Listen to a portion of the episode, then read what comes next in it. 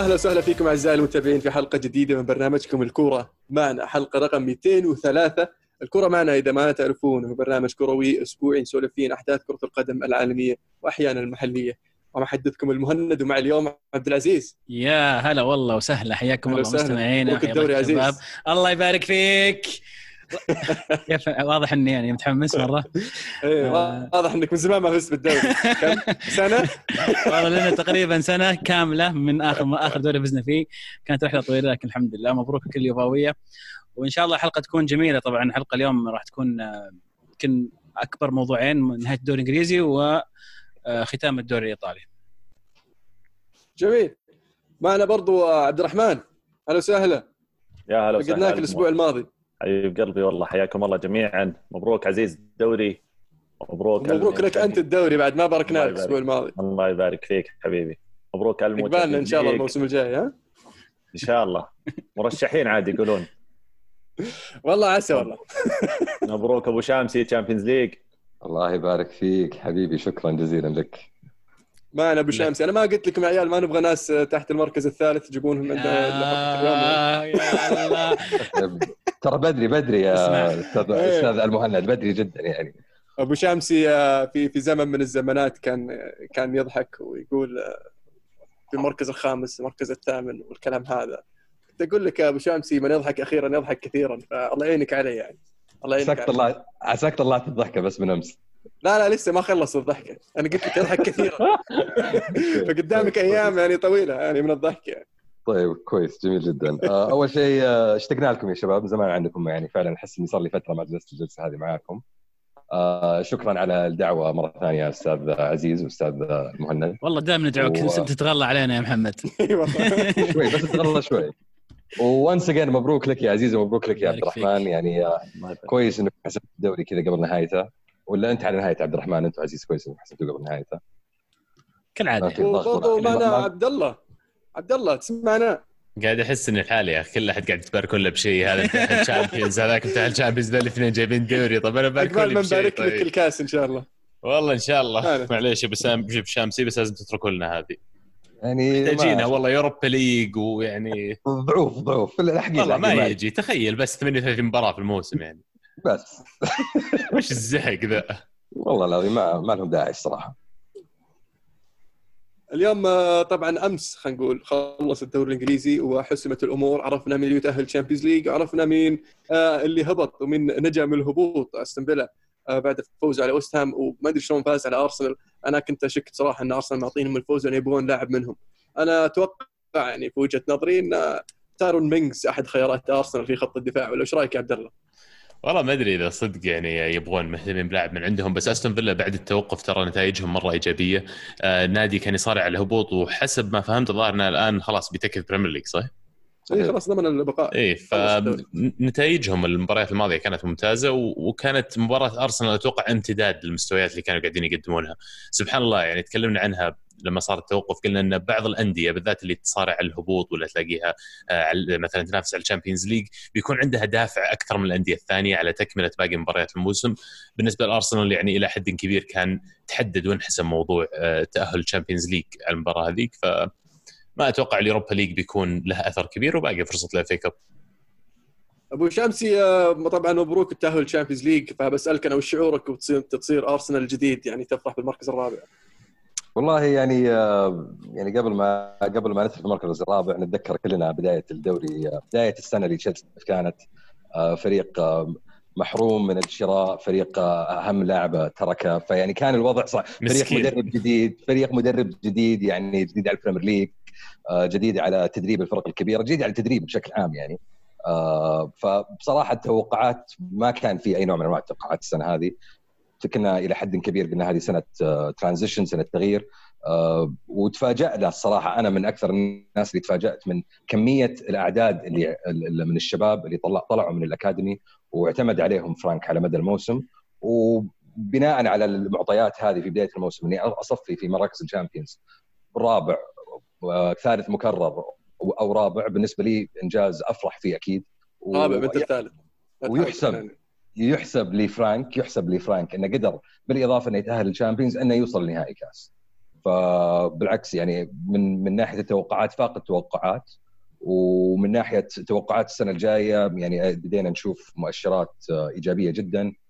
آه، فيرنر already حضر آه، حكيم زياش already حضر الكلام على كاي هافرتس الحين إن شاء الله قريبا يوقعون معاه. ف يعني البوادر جدا إيجابية وبالعكس أشوف إن السنة الجاية بتكون يعني سنة نقدر نشوف فيها فريق تشيلسي بتكوينة جديدة ويكون بشكل أوضح نقدر نشوف طابع لامبرد بشكل أوضح مع اللعيبة اللي هو اختار انه يجيبهم في الفريق. طب بسألك سؤال أبو شامسي الحين آه مو بأفضل لنادي تشيلسي وفرانك لامبارد ومستقبل الفريق أنك بدال ما تدفع 80 مليون على هيفرتس تدفعها على حارس ومدافع؟ آه أنت يعني هو ممكن يكون أفضل إذا كان أنا خلاص إذا كان هذا آخر تعاقد أنا بسويه في الصيف هذا. بس واضح إن يعني مسلسل التعاقدات لسه داعس مع تشيلسي. آه سمعنا كلام كثير من فرانك انه ما هو مقتنع في كابا وأنا شخصيا ما الومه أنا أشوف إن كابا للأسف تجربة اخر سنتين ما نجحت بالشكل اللي كنا نتوقعه. تقدر تقول ما لعب في آخر مباراة ضد ولفرهامبتون ما لعب في آخر مباراة هذا يدل على الكثير. وكنت جدا مبسوط إنه ما لعبه لأني ما كنت مستعد إنه يكون عندي حارس. ممكن ينكب في أي لحظة و2-0 تقدر 2-1 ويلا انضغط وتوتر. فريحني الصراحة. وبيني وبينك يعني القلب الدفاع ما هو بالنسبة لي نفس الأهمية. لسه عندي ظهير اليسار مهم أكثر من قلب الدفاع. بس واضح إن الحارس برضه بتكون من ال من ال يعني من من الاشياء من الجهات اللي بشوف فيها تغيير في السنة هذه. كلام أوبلاك. يقولون أوبلاك. sorry يا عبد الله. بس آه، تحسون صدق؟ لا لا أوبلاك غالي جدا يعني. إذا فعلا بيشترون اوبلاك فما أتوقع إنهم بيشترون هافرتس ف آه، يبدو لي الأكثر واقعية اللي هو ممكن أونانا وتاليافيكو من اياكس يا أبو شامسي ولا؟ خاصة الاثنين هم أقل أقل سعرا من من هافرتس نفسه. معك أنا أنا يعني هو يعني صفقة أونانا وتاليفيكو مرة واحدة على 50 مليون اذا إذا نصدق كلام الصحافة. بالعكس صفقة رائعة ممتازة يعني أحسن من كذا ما تتخيل. شلت احسن ثلاثة من أحسن لعيبة اياكس ب 80 مليون. فاوبلاك بالنسبة لي يعني يكون خيار wow بس زي ما قلت يا ألمو غير واقعي. المشكلة مو بهنا المشكلة إن إحنا عندنا كيبا ولما وقع معنا قبل سنتين وقع عقد سبع سنوات. فحاليا باقي له خمس سنوات على عقده فأنا بضطر اني أصرفه أو إني أتخلص منه أو إني أطلع إعارة أو إني ألقى له أحد يشيله مني قبل ما أقدر أصلا أجيب حارس جديد. ف... فلازمنا بداية لسه ما بدينا يعني في صف بال... بال summer transfer window بشكل رسمي يعني. فأتوقع الشهر الجاي يعني بيكون في نسمع كلام كثير على لعيبة كثير مختلفين. لو فعلا جبتوا هافرتس يا أبو شامسي أنا ما أتوقع بيكون في مسلسل تعاقدات بعده. آه، شفنا تشيلسي يسويها من قبل تحديدا السنة اللي جابوا فيها هازارد إذا ما كنت غلطان.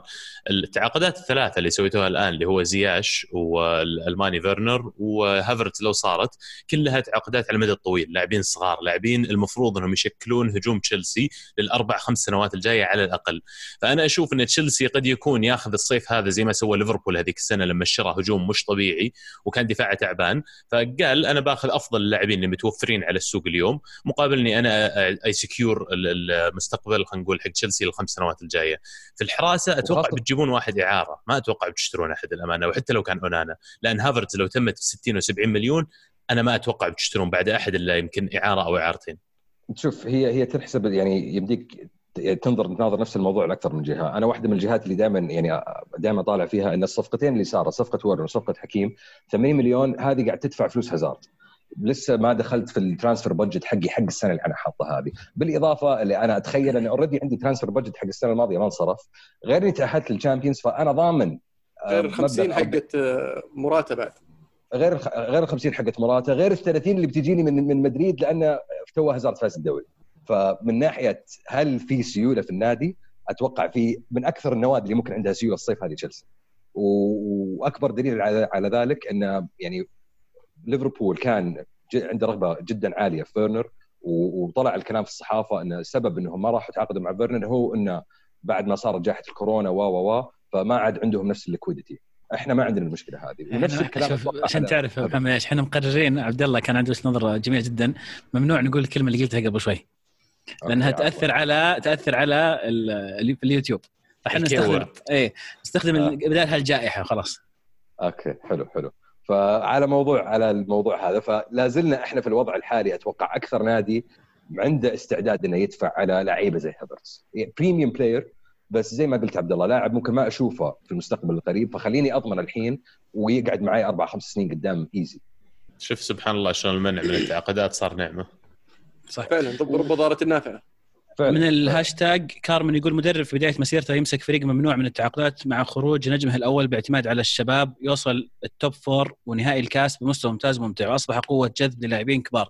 شكرا لامبارد موسم فوق كل التوقعات لاعب عظيم وفي طريق ليكون مدرب عظيم تشيلسي في الطريق الصحيح فعلا فوق موسم فوق التوقعات وأك... يعني أنا بالنسبة لي أكثر يعني إيجابية أو positive من إنه خليك من okay وصلنا ال Champions وصلنا نهائي الكاس. بس أهم من ذلك كله إنك أخيرا عرفت تطلع لعيبة شباب من الأكاديمي اللي صار لك أكثر من 10 سنين 15 سنة تقريبا ما غير تبيعهم وتطلعهم إعارات. أخيرا لقيت لك ثلاثة أربعة دخلوا في الفريق الأول يقدرون يمسكون مكانهم في الفريق الأول. يعني بالراحة بالنسبة لي آه، ماونت وريس جيمس و- وإبراهام قدام ثلاث أربع سنين ليش يطلعون؟ وحتى سام- وبعد ذلك يعني. سامي يقول سمعنا أخبار تقول إن تشيلسي يحاول التعاقد مع أوبلاك لو تمت اشوفها أفضل صفقة لتشيلسي حتى أحسن من زياش وفيرنر هل تشوفون إن هرنانديز مدافع البايرن ينفع لتشيلسي؟ أحسه غالي بيكون ممتاز إيه، يلعب. قلب دفاع ويلعب ظهير يسار بعد ممتاز اي ممتاز بصراحه بس أجن يعني هل بايرن غالي. مستعد إنه يبيع؟ ما أتوقع البايرن بيفكها يعني ما دفع عليه 85 مليون عشان بس ترى 85 موسمها الأول كان مو بمرة يعني كني سمعت آه إنه كان عندهم كان. مليء بالإصابات و إصابات. يعني ما توفق بس يعني اللاعب لسه شاب وقدامه وقت طويل انه يعني يثبت نفسه ويثبت وجوده. هي هي الصفقة اذا إذا ضبطت على طاري أوبلاك لو عرفنا نشتري أوبلاك ونعطيهم كيبا بال بالإعارة إنه يقلل لي السعر يصير switch يعني لعبة مع ضربة معلم تصير. يعني ما أتوقع إن أتلتي بيرضى غير. خله خله يتحلم يا المو إي يا أخي ليش ليش؟ بالعكس خليني مبسوط بالعكس. طب أنا أسألك أنت يا المو وانت يا عبد الله وش رأيكم في أداء لامبارد يعني؟ من من من الجهة المقابلة يعني. والله بصراحة موسم رائع. لامبارد أنا من من الموسم الماضي مع ديربي وأنا كنت صراحة متحمس للمستقبل وكنت من المؤيدين. وإذا تذكر كنت الموسم الماضي قاعد أحاول أقنعك إن الخطوة السليمة لتشيلسي إنك تأخذ لامبارد مدرب. ولازم عشان تأخذ لامبارد. إي عشان تأخذ لامبارد لازم تغير فلسفة الفريق فلسفة نادي تشيلسي نظام تغيير المدربين كل شوي نظام اللي تجيب أحسن اللاعبين ويلا سوي أحسن شيء. لازم يتغير هذه الفكرة. وفعلا شفناها مع تشيلسي هذا الموسم. واللي فادهم برضو إن الفريق ما كان يقدر يشتري. لأن فعلا لو الفريق كان يقدر يشتري كان خربوا على لامبارد أشياء كثير يعني أتوقع. يجيبون لعيبة ويقولوا يلا تصرف. والله أنا impressed ألف يعني كمية اللاعبين الصغار زي ما قلت أبو شامس اللي دخلهم الفريق. زائد شخصية لامبارد نفسه فاجأني كمدرب. طيب كلنا نعرف إنه كان لاعب فنان لاعب عظيم لكن التحول من مدرب إلى من sorry من لاعب إلى مدرب مو بالعادة ينتج عنه ان نفس الشخصية تشوفها للاعب السابق هذا ولما يكون مدرب أم، في تشيلسي أحس إنه جاب نزعة الفوز جاب شخصية تشيلسي اللي فاز فيها بطولات لامبارد إلى الفريق الجديد هذا واللاعبين كثير يحترمونه. أكثر شيء يمكن يجسد لي الموسم هذا ويجسد الطموح اللي عند لامبارد يوم تهاوش مع كلوب على خط التماس. يعني يعني- خطوه خطرت في بالي. اي يوريني هالشيء إنه مو مستصغر نفسه أول شيء وثاني شيء إنه منقهر حتى في مباراة زي كذا إنه يبغى يفوز. فيعني هنيئا لكم والله مدرب مدرب كبير يعني. نشكركم يعني على على الاتفاق يعني على في الرأي كلكم. آه، اللي ما يتابعون ال Premier League إذا ودكم تعطون رأي يعني تفضل. أول شيء نتابع Premier League يمكن أكثر منك على فكرة شام زيدكم بالصورة بس. مجرد أقول يعني. آه لا ما أزيد على كلام الشباب. بالعكس آه يمكن بدايته كانت آه متعثرة شوي لامبارد وكان في عليه شكوك. لكن رجع مع الظروف اللي عنده واستفاد كثير من الشباب توظيفهم بطريقة ممتازة. رغم المنع في الانتقالات آه وصل مع تشيلسي إلى شيء أشوف إنه أكثر من رائع بالذات إن الظروف اللي كانت عنده في بداية الموسم. هذه نقطة مهمة ما ننسى إن لما أتوقع من تشيلسي ما أتوقع إنه كان Champions League أو مقعد Champions League أتوقع انه برو. بداية الموسم مع الظروف مع المنع مع مدرب جديد أول مرة يمسك النادي يعني أتوقع حتى لو كان خامس سادس ما كان فشل يعتبر كبير للامبارد لكن إنه- متصدرين ولا؟ لا لا أول عشر جولات إلا أول عشر جولات ظهر تشيلسي وليفربول وكان في نادي ثالث على حسب ما أتذكر كانوا ثلاث أندية. في الصدارة فرق نقطة يمكن فكيف إيه. بدايه متعثره؟ إحنا علقنا علقنا في ال top four من بداية بس متعثر صقعنا أربعة اول مباراه من يونايتد يعني هذه وجه واحدة بس بس وغير كذا يعني تذكيرا لكلامك عزيز يعني أتذكر بداية الموسم نتكلم عن سبيرز كان تو طالع من نهائي ال Champions League وكان في توقعات مرة كبيرة إنه أوه يلا بوتشيتينو هذا موسمك و و و و أرسنال إيمري برضو نفس الشيء بداية جديدة فريق جديد مدرب جديد يعني في اختلاف في الثقافة. فأتوقع الفرق هذه كان عليها أنظار أكثر مننا إحنا بكثير. ف يعني نجاح لامبرد يعني في نهاية الموسم يوريك إن المسألة ما هي بسهلة ابدا عبد الرحمن وفي في جي أنا بالنسبة لي في شيء إيجابي في لامبرد إن أنا أحترم دائما المدرب اللي يتعلم من أخطائه. إذا في مجموعة مباريات كان عنده أخطاء سواء كان في التشكيل أو في طريقة اللعب تلقاه في المباريات اللي بعدها يحاول يصحح من هذا الموضوع. وأكبر مثال آه، جيرو مكان آه، أبراهام. أبراهام okay تعرض لإصابة معينة اضطر إنه يلعب آه، جيرو بداله. ولكن في فترة من الفترات كنا كنا نشوف باتش باتشواي كان هو الخيار الأول البديل لأبراهام. ولكن مع الوقت بسيطة جدا. نعم. سم؟ فترة بسيطة إيه. جدا صح. إيه. فيعني مع الوقت لما جيرو أثبت نفسه وقاتل على الخانة أقتنع لامبارد وخلاه يلعب أساسي في التشكيلة. فإنك أنت مدرب وفي بداية حياتك و still ما عندك الإصرار أو العناد على على فكرة معينة وعندك استعداد إنك تصلح من أخطائك هذا برضه نقطة إيجابية في صالح لامبارد. ومشكلتهم تنصروا على جيرو لأنه جاي من أرسنال عرفت؟ صح على طاري هو اللي منقذهم على يعني. طاري أرسنال. دامك جبت طاري أرسنال عبد الله في مشاركة؟ ودي أسألك السؤال هذا من بوردقا يقول يا عبد الله عندي لك خمس مدافعين ممتازين وصغارين يحبهم قلبك. لويس فيليبي لاعب لاتسيو ميلينكوفيتش لاعب فيورنتينا وفي ثلاثة فرنسيين يلعبون مع لايبزيج وكل هالخمسة لاعبين ما تعدى أعمارهم 23 سنة. لكن أنا سؤالي لك كأرسنالي وش شعورك؟ ومرة ثانية ينتهي الموسم من تحت توتنهام. والله شيء مزعج. ما داري إنك تطقطق لا مو لا مو لا مو طقطقه لا مو طقطقه لأن الموضوع مو بأول مرة ثاني مرة. تكررت أكثر مرة صح ولا لا؟ اي من بعد هذا الفيديو كان اي كان هذا شيء يعتبر الارسنال مسلم إنه يعني مهما صارت الدنيا مهما حاست بنجيب الرابع وبنكون أعلى من توتنهام. الآن الوضع ما هو سليم لكن في في بوادر إيجابية للأمانة مع أرتيتا في, في آخر الموسم في بعض المباريات. لكن آه، يعني ودي أتكلم عن انه فعلا ارسنال إنهى الموسم في المركز الثامن الثامن الموسم هذا آه، يمكن يكون في كاس يمكن ما في لكن ال expectations الموسم الجاي أو توقعاتك للموسم الجاي أو الطموح للموسم القادم. للأمانة الفرق بين أرسنال ويونايتد وتشيلسي والأندية اللي كانت حتى سبيرز اللي كانت تنافس تبغى توصل للمركز الرابع آه إن أرسنال غير مدربة في منتصف الموسم. يمكن سبيرز هم النادي الوحيد اللي مر في شيء مشابه لكن يعني بعد ما تعين أرتيتا أنا أشوف إن النتائج أرسنال كانت إيجابية. يمكن لو نحصي عدد النقاط وماني متأكد من المعلومة ذي لكن جمع أكثر من يونايتد وتشيلسي أعتقد في نفس الفترة. يعني باستثناء آخر كم مباراة اللي كان فيها الأداء تعبان لأنه خلاص قد في قد انحسم المنافسة. على المركز الرابع. أنا أشوف ان الموسم الجاي لو اشتغلوا صح ممكن يصير عندنا فرصة حقيقية حتى نقدر نطلع تشيلسي ولا يونايتد أو وننافسهم بقوه على المركز هذا. المشكلة انه عكس تشيلسي ما في فلوس اليوم في النادي. النادي صرف 72 مليون الصيف الماضي على بيبي اللي للآن كثير من جماهير أرسنال ينتظرون أكثر منه. بس للأمانة ما أعتقد إنه من العدل تتوقع إن بيبي بيجي وبيسوي كاري للفريق. ما راح الأمور ما تشتغل بالطريقة هذه. ما أدري كم موجود فلوس تنصرف الصيف لكن محتاجين محتاجين قلب دفاع أقل شيء لاعب وسط. المشكلة يقولون يقولون قرابة 30 مليون تقريبا اللي هذا الموجود ها؟ اللي إيه للصيف هذا. هذا من غير ما يبيعون مدافع جاي الحين صح؟ اي ساليبا بس هذا واحد. أنا أحتاج واحد ثاني غيره. 30 مليون والله لو صدق الكلام ألمو شيء تعيس يعني. ما تجيب لك ولا واحد من الأسماء اللي ذكرها. لا ممكن ممكن تجيب لك آه، شو اسمه ميلينكوفيتش لاعب فيورنتينا. أنا ودي أوباميكانو حق لايبزيج.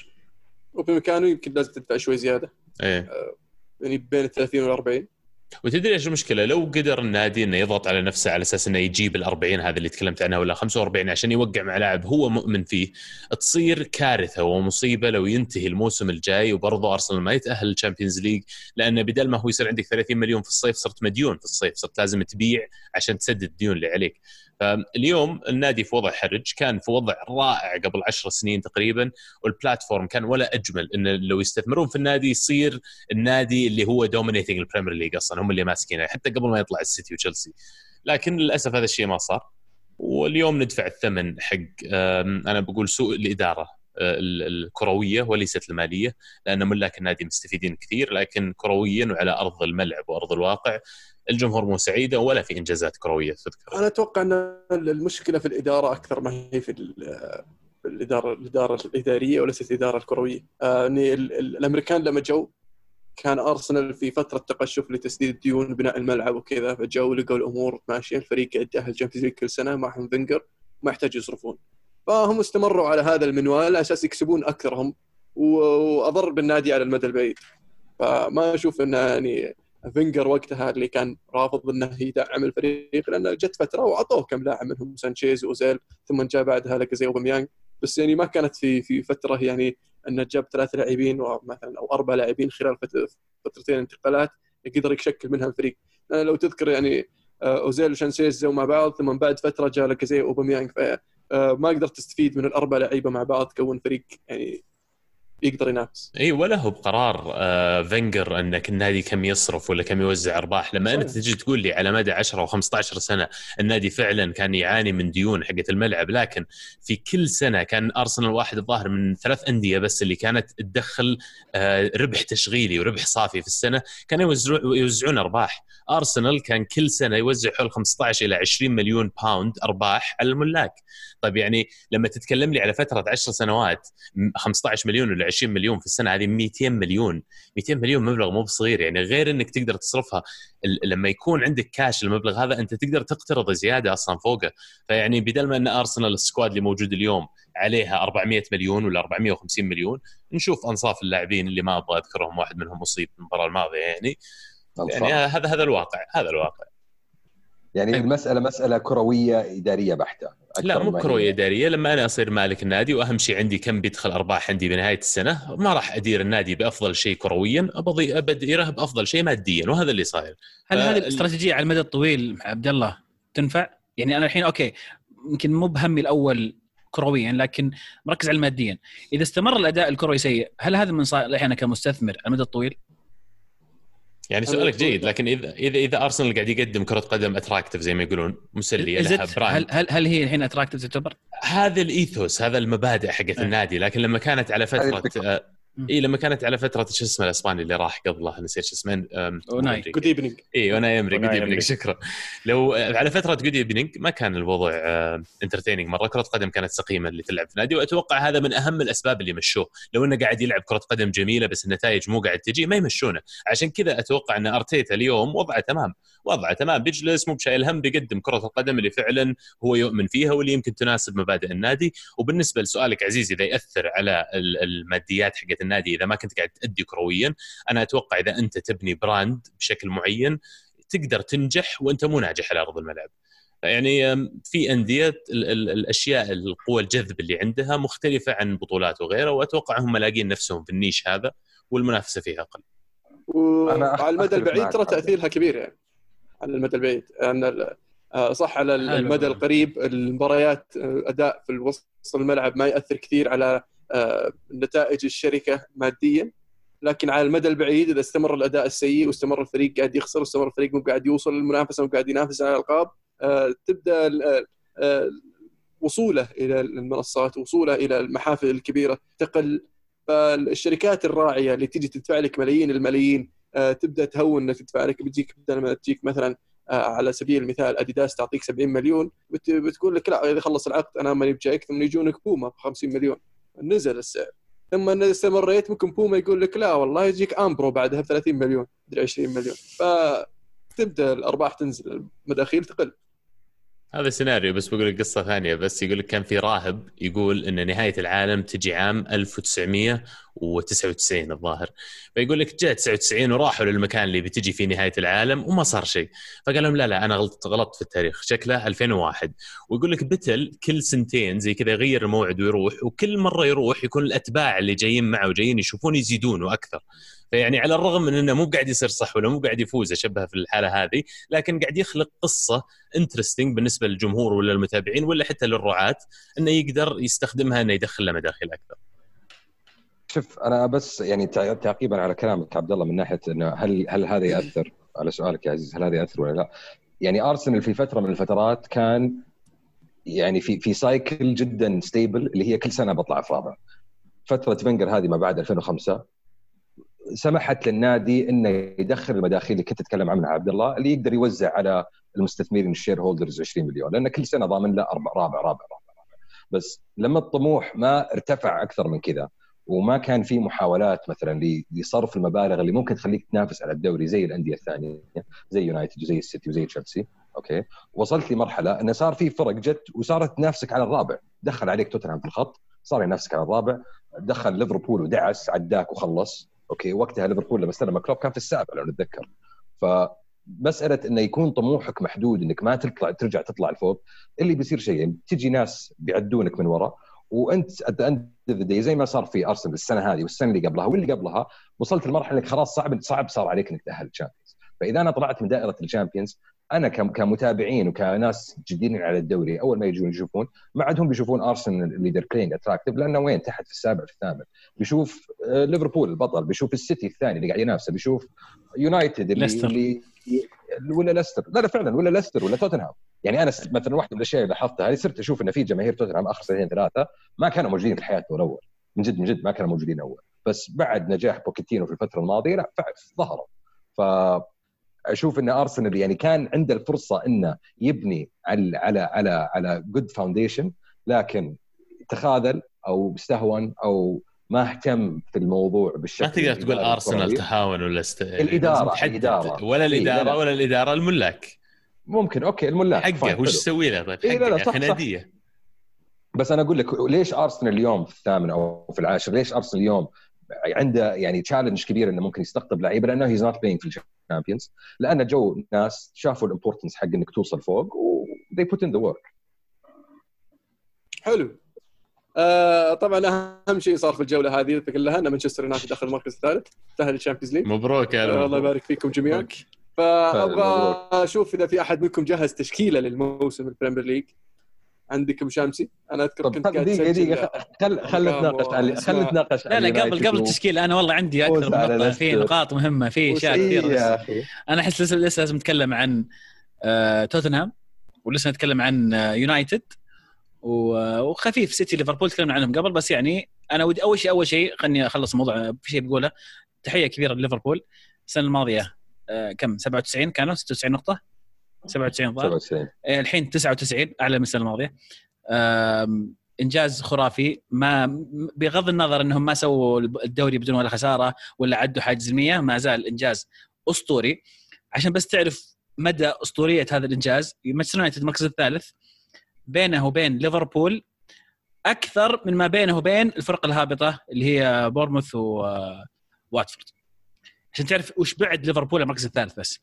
ف موسم موسم استثنائي وخرافي لليفربول ونعيد نبارك لكم مرة ثانية. إذا أحد عنده أي شيء يبغى يضيفه على ليفربول قبل ننتقل للسيتي يستاهلونها الصراحه ما في أتوقع نقاش في الموضوع. السيتي ما كان يعني قريب منهم الموسم هذا. آه، خسارة كومباني للسيتي ضرتهم من بداية الموسم لنهايته ليفربول عرف إنه يحتفظ يعني ي keeps ال concentration حقه يحتفظ على تركيزه على مدى الموسم. آه، مسألة إنه أصلا ما خسر إلا في الجولة 30 الظاهر والجوله 25 تدلك يعني قديش كانوا آه، التركيز وقديش كان كلوب ماسك معاهم انه هذا الخط حقنا ولازم ندعس عليه. والله يعين السنة الماضية يعني أشوف المنافسة جدا صعبة بتكون على الدوري إذا السنة بتكمل على. المستوى هذا. السنة الجاية. ال- ال- بعد ثلاث شهور الموسم القادم. آه، فما أشوف يعني أشوفهم عندهم فرصة كبيرة جدا إنهم يحتفظون على الدوري. إذا استمرت الأوضاع زي ما هي بدون ما نشوف تغييرات كبيرة في الفرق الثانية. آه، راح تشوف تغييرات كبيرة في الفرق الثانية. آه، بدينا آه. نشوفها في تشيلسي ولسه آه، السيتي السيتي راح يجيب يعني لاعبين ثلاثة على الأقل واليونايتد كذلك. وما استبعد أن الليفر راح راح يدعم صفوفه هذا الموسم بحكم أنه ما دعم الموسم الماضي ويعني راح تصير منافسة أشد يعني الموسم. طب حد سؤال يا ألمو حدثنا عن اليونايتد حدثنا عن توقعاتك بداية الموسم وعن يعني الواقع في نهاية الموسم. وين كنت؟ وين وصلت؟ إيش إيش كان زين؟ إيش كان شين؟ والله اللي اللي كان شين بداية الموسم صراحة. آه، اليونايتد كان يفتقد إلى صانع لعب. آه، وكل كان يعرف إن اليونايتد يحتاج برونو فرنانديز. اليونايتد كان يبغى برونو فرنانديز لكن ما قدر يجيبه في الصيف because اد وودورد بعدين آه، بوجبا أصيب اللي هو كان آه، صانع اللعب ال- في الفريق هو كان ال creative engine في الفريق. آه، فنقع اليونايتد من غير صانع لعب ومن غير بوجبا. آه، لفترة وقاعد يعاني لين ما قدر يوصل آه، أولي إلى التشكيلة المناسبة اللي فيها الصلابة وفيها ال- ال- الخطورة الهجومية لكن ما زال ينقصهم كان اللاعب اللي يقدر يستغل آه، لما الكورة تصير مع اليونايتد يقدر يستغل ال- ال- الفرصة الفرص اللي اللي موجودة معه. فشفنا اليونايتد يعاني ضد الفرق الصغيرة لأن الفرق الصغيرة تسك عليك ما تعطيك فرصة آه، تمسك كورة وإذا مسكت كورة ما عندك أحد يقدر يتصرف بالكورة مثل برونو أو بوجبا. فاليونايتد كان ينقع وضد الفرق الكبيرة. آه، كنا نشوفه يلعب أفضل لأنه هي يعرف يسك يعرف يلعب المرتدات خاصة عنده راشفورد ومارتيال وجيمس كان. فشيء آه، شيء شفناه تغير تدريجيا بشيء بشكل مختلف لما جاء برونو فرنانديز. وعوده بوجبا للتشكيلة شفنا مانشستر يونايتد صار شكل شكل أفضل. آه، يعرف يتصرف بالكورة صار لما يمسك ال- ال- ال- ال- الكورة مانشستر يونايتد يصير معاه الاستحواذ أكثر يصير عنده خيارات عنده فرص أكبر. تشوف يبحث بوجبا يلقى برونو يلقى جرينوود اللي اللي اللي فاجأني هذا الموسم بشكل خرافي بصراحة. أتوقع منه الكثير لكن ما توقعت ال- الأداء هذا منه هذا الموسم. آه، التوقف فاده كثير آه، ركز على على البنية ال- ال- الجسمانية بالنسبة بالنسبة له وقدر آه، ينافس اللاعبين وخطوط الدفاع في ال Premier League فاهني أهني أولي بصراحة على اللي قدمه وأحب أشكر الإدارة على صبرهم على أولي جونار وإن شاء الله القادم أفضل المو سؤال لو ما جبتوا آه، فرنانديز في الشتوية وكملتوا بنفس الفريق اللي كان موجود افيلبل وين تتوقع يونايتد انهى موسمه؟ خامس آه ما تتوقع Champions ها؟ لهالدرجة كانت ال- المشاركة حقته ولا اضافته للفريق؟ يعني آه، في الفترة اللي جاء فيها صنع السبع أهداف واللي هو أكثر لاعب في مانشستر يونايتد صنع أهداف في الدوري وسجل ثمانية يعني مشارك في 15 هدف في الفترة القصيرة اللي شارك فيها وفي الفترة نجاح. هذه من بعد التوقف أكثر لاعب يعني آه، من أكثر اللاعبين اللي اختلق فرص أكثر اللاعبين اللي آه، سدد على المرمى من أكثر اللاعبين اللي صنع أهداف من أكثر اللاعبين اللي سجلوا اهداف ف أتوقع الأرقام تتكلم نفسها أنت حاط اليوم إحصائية جيده تقول في الدوريات الخمسة الكبرى وصححني إذا الرقم غلط من بعد التوقف هو ثالث أكثر لاعب بعد ميسي ورونالدو شارك في تسجيل وصناعة أهداف. صحيح في الدوري مشارك في 15 ورونالدو في 16 وميسي الظاهر شيء 20 لا لا كان مفتاح نجاح بالنسبة لكم الصراحة وتحية تحية لكم على الصفقة هذه اللي جت وصنعت الفرق هذا كله. آه أنا السؤال اللي بسألك اياه ألمو بناء على ما شفت السنة هذه من بوجبا والحركات اللي صارت منه يعني إيجابية أو سلبية، هل تشوف إنه له مكان عندكم السنة الجاية ولا لو جاء أحد بيشيل يشيل- يشيل؟ لا تحاول أم. تسوق لا تحاول تسوق أنا ب... لا لا بسأل بس يعني شخصيا أنا كنت أنتظر الصيف يجي عشان مدريد يشيله ويفكني منه آه لكن آه مدريد ما يقدر يدفع واليوفي ما عنده الفلوس فيبدو لي إن بوجبا قاعد وراح يستمر راح يجدد سنة إضافية وراح يطلع بعد اليورو الصيف القادم. أنا بس لو. بيدك. اي يعني إيه، أنت- هذا أنت- السؤال. أنت تبيه يقعد ولا تبيه يروح؟ هذا السؤال. هذا السؤال بالضبط. شخصيا أنا إيه. أنا أبغاه يمشي بس ما راح أمشيه بأقل من المبلغ اللي يستحقه إيه أنت يعني تبغى تستفيد كوتينيو منه ماديا. كوتينيو كوتينيو ما يروح بأغلى من بوجبا. لأن نعرف إن بوجبا يعني يسوى أكثر من كوتينيو. ما تقول لي إنه والله جريزمان يروح 120 وبوجبا يروح بأقل من 120 أوكي. يا أخي تغير تغير السوق عقب الجائحة يا. لازم تتعايش مع الواقع الجديد. هذه خلاص. استنى الموسم الجاي نشوف إيش يسوي لأنه بيجيك مدريد وبيدفع 300 على مبابي بقول له أعطني 150 وشيل بوجبا طيب سؤال أخير عن يونايتد. الموسم الجاي تنافس على الدوري؟ يعني صعبة تنافس على الدوري بس أتوقع انه سانشو جيب, جيب سانشو جيب مدافع. اي يعني تنافس على الدوري يعني تتكلم إنك يعني فعلا تنافس على الدوري. بس لما تروح آخر عشر جولات يعني وتصير أنت المركز الثالث وبعيد عن المركز الرابع أو حتى بعيد عن المركز ال- الخامس بس إنك برضو بعيد عن المركز الأول ما أعتبرها منافسة. بس أنت لا تروح أنا بعيد أشوف أشوف إن في أتوقع إن في تحسن في الموسم القادم. آه، يعني ممكن ال- اليونايتد يقدر يقلص الفارق بينه وبين الأول والثاني. آه، لكن ما أشوف إنه يعني المنافسه على الدوري يعني شيء آه، واقعي حاليا. أنت لا تروح بعيد يا عزيز لسه اليونايتد بقى لهم بطولة ما خلصوا منها. توقعات يا أستاذ ألمو؟ والله آه، أنا كنت متوقع اشبيليه يفوز في في البطولة من بداية الموسم و, طبعا نتكلم عن البطولة الأوروبية الدرجة الثانية إحنا عشان يعني نكون في الصورة. مو بس ما كذا ترى. و... اي فال ال... ال... ال... يسمونها؟ ال- قرعة؟ القرعة اي اللي حطت ال- اليونايتد راح يقابل الفائز من آه، ولفرهامبتون وإشبيليا في الجولة اللي بعدها. فيعني راح اللي هي في نصف النهائي تقريبا. ف أتوقع واضح. ما في أمل كثير يعني. حلو. طيب آخر شيء آخر شيء توتنهام مورينيو. آه، أتوقع إنه النتائج في نهاية الموسم إيجابية. وهذا كان متوقع يعني من لما جاء مورينيو وكان هو مبسوط. يعني شفته كان الرجال طالع طبعا هو يعني دائما يحس ان أي شيء يسويه هو إنجاز كبير وعظيم. بس مورينيو كان مبسوط. أبو داحم حكينا عن تجربة مورينيو مع توتنهام. والله شوف بغض النظر عن عن حب أو كره مورينهو أو أو آه، يعني إن الشخص مقتنع بأسلوبه أو طريقته لكن إنك أنت تمسك فريق في منتصف الموسم وكان فيه ممكن إصابات كثيرة وكان فيه أصلا خلينا نقول انقسام بين آه، إنك يعني موافق على على إقالة بوكيتينو أو أو أو جيبة مورينهو بالذات بالتحديد رغم كل هذه الظروف إنك أنت تنهي تستلم الفريق في المركز ال 14 تقريبا أو ال 16 وتنهيه في في المركز السادس أنا أعتقد إنه هذا كان آه، شيء إيجابي وشيء ممتاز جدا بالنسبة لمورينهو خصوصا في في أول موسم له. آه، سمعت برضو تصريح المورينهو إنه الموسم القادم راح يكون مختلف حتى من ناحية يمكن التعاقدات أو ممكن إنه آه، توتنهام قادر إنه يوقع مع لاعب أو أو لاعبين خلينا نقول كبار أو كلاس اي ف أعتقد إنه الموسم الجاي يعني أنا قاعد أسمع الحين مثلا مانشستر و...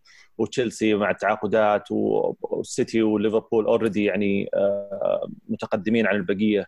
ف يعني موعودين صراحة بموسم جاي آه، يعني صعب وقوي بالنسبة لل- لل Premier League سخن سخن حيكون سخن يا عبد الرحمن جدا جدا و hopefully إن شاء الله أرسنال. إن شاء الله. ينضمون إلى قائمة ال... ال- ال- الفرق هذه آه، أي كلمات توجهونها لل المدرب الكبير خوزي مورينيو قبل ما ننتقل للفقرة اللي بعدها تمسكوا. تمسكوا اللي تحبون سبيرز لأنه قريب بيتهاوش معكم ومع لاعبينكم وبيطلع وبيقعد يسفل في تاريخ النادي لكن لمرة واحدة بيكون محق إن تاريخ النادي يضيع يعني لا, لا لسه باقي له موسم على الحركات ترى ما يسوي إيه لا الموسم. الجاي بيفوز بأحد البطولات بيفوز بال League Cup لازم هذا كيرك أو كاب FA بطولة cup مورينيو ممكن. المفضلة. الم لا، شايف شايف. الفيلم قبل شايف الفيلم من إيه، قبل ال League Cup ال League Cup يعني مهم بالنسبة لمورينيو كاول موسم له فيعني راح يركز عليه لانها بطولة آه، نوعا ما سهلة مقارنة بالبطولات الثانية والأندية الكبيرة ما تركز عليها إلا السيتي طبعا لأن لأن- يلعبون كل ف شيء يا فأتوقع أن المشاكل راح تبدأ يعني بالموسم اللي ما بعد القادم وإن شاء الله انه يعني يقال بنهاية الموسم القادم. لا، بس ليه ليه ليه؟ وش وش تفرق مجال معك؟ يعني. يقال ولا لا؟ دقيقة بس وش يفرق معك كذا وقيل ولا ما قيل؟ بس ما أبغى أشوف توتنهام يفوز كثير. أنا أتوقع إنه هو يعني يستطيع إنه يخلي توتنهام يفوز كثير. إيه بيفوزهم بطولة إيش تبي أحسن؟ إيه. بيفوزهم بطولة قاعد يقول لك بيفوزهم بال League Cup. فانا أنا أقول الله يستر من اللي بعد ال League Cup. إيه. أوف.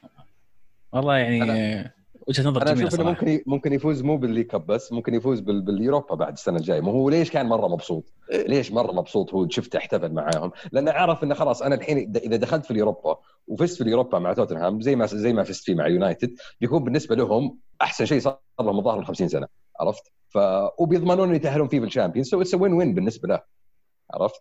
هذا ف- مستواه لأنه أنا قاعد أقول لك هو بالنادي اللي يلعب فيه بالوضع الحالي هذا اللي صاير ف I think إن مورينيو ممكن يسوي شيء كويس مرة مع توتنهام. لو بطل حركات الاستهبال والطقاق اللي يسويها كل كل سنتين كل ثلاث أربع سنين. أوكي. طيب بطل وبصل الموسم؟ بطل وبصل. بطل وبصل. شيكم شيكم. بطل كذا وبصل. كذا ما ودكم. كذا ما ودكم. لا لا قبل قبل بطل وبصل أصبر. عندنا تشكيلة الموسم ما قلنا في تشكيلة إي الموسم. صح. صح كيف الموسم. تشكيلة الموسم. دامك دخلت على الباب أعطيك تشكيلة الموسم حقتي. طبعا يعني ممكن ما تحسبها أفضل لعيبة. أنا بالنسبة لي هذول أكثر ناس يعني برزوا ويستحقون التحية السنة هذه. آه الحارس آه اللي هو حارس بيرلي بوب اللي يعني كان فارق فرق واحد إنه يكون Golden Gloves winner عن أدرسون لاعب آه، حارس اليونايتد. آه حارس السيتي عنده 15 clean sheet السنة هذه وكان من أفضل الصفقات عندي في ال Fantasy. آه ترنت على اليمين لأنه مجنون ما في أحد زيه حول العالم الحين. فيرجل في النص لأنه فيرجل قوي مرة. لابورتي لأنه هو الوحيد من مدافعين السيتي اللي عنده سالفة تقدر تقول. وتشيلويل بس لابورتي غاب كثير الموسم يا أبو شمس يعني. إيه، بس كل ما لعب- تاخذ يعني في ناس ابدعوا يعني في الموسم أكثر من ممكن. يعني 10 مباريات اللي لعبها. ممكن بس كل ما لعب لابورتي شفت السيتي يدخل ويفجر اللي قدامه عرفت؟ فأنا ما هذا أقول لك اللعيبة اللي ممكن اللي برزوا أنا بالنسبة لي. آه آه، ظهير يسار تشيلويل لاعب ليستر اللي كان تشيلسي وده فيه مرة بس طلع مرة غالي. آه، في الوسط عندك آه، يعني عندك شوي استفسار هنا. هل أفضل لاعب في الموسم هذا بالنسبة لإنجلترا فعلا كان هندرسون ولا هل هو دي بروين؟ أنا قررت إني أحط اثنين هذول عندي في التشكيلة بالإضافة إلى ديفيد سيلفا. آه، في الهجوم هداف الدوري جيمي فاردي رأس حربة على اليمين إدامة تراوري لأنه فلت فلتة مجنونة وأشوف إن اللاعب هذا حرام يقعد في وولفز السنة الجاية. ممكن يروح ليفربول ممكن يروح الانديه أكبر من كذا. وعلى اليسار ميسن ماونت لأن فاجأني اللاعب هذا بصراحة. امتعني السنة هذه وسجل لي قول جميل في آخر جولة. ويعني كان بالنسبة لي ممكن أفضل شيء about تشكيلة تشيلسي السنة هذه. عشان سجل قول طبعا أخذ دخل تشكيلة الموسم. yes خلاص يا أخي حر سجل هو هدف في اخر في. اخر في آخر Yes. جولة. يعني yes. يعني على كلامك لينجارد يستاهل تشكيلة الموسم. يستاهل. سجل سجل هدف أول هدف له في الموسم في ال Premier League في آخر دقيقة دقيقة 98 ضد اول أول هدف كان التاهل لل Champions League. يعني أتوقع هدف ذهبي. لا، لا، لا. اليونايتد كان 1-0 اي. اي بس يعني أكد. 2-0 صارت. اي إيه، لو صارت 1-1 واحد لسه اليونايتد بيتاهل فما سوى فرق طيب خلاص ما زبط. تقنعني لا. عطنا اللي المو آه بالنسبة لي طبعا في حراس المرمى آه أهنيك على اختيار نيك بو ريحتني كثير. آه لأن بختار دين هندرسون. في خ- على اليمين طبعا ترنت أتوقع ما حد يختلف على ترنت آه كأفضل ظهير يمين في في الدوري هذا الموسم. آه مع فيرجيل فان دايك.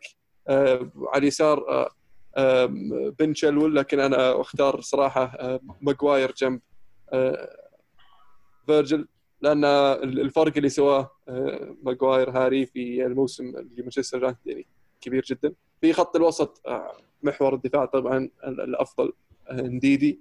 مع آه، أفضل لاعبين وسط في الدوري اللي هم دي بروين وبرونو فرنانديز في خط الهجوم طبعا الثلاثي الهداف آه، فاردي آه، اوباميانج وإنجز حد ثاني عنده تشكيلة والله أنا مو مدرب الموسم. ما ذكرتوا دوهرتي ما ذكرتوه مثلا توقعتم تقولون بالدوك. ولا حتى آه، الثاني. اللي في شيفيلد بالدوك ومين. الثاني؟ لانسترام. لاندسترام يعني توقعتم تذكرون هذولي.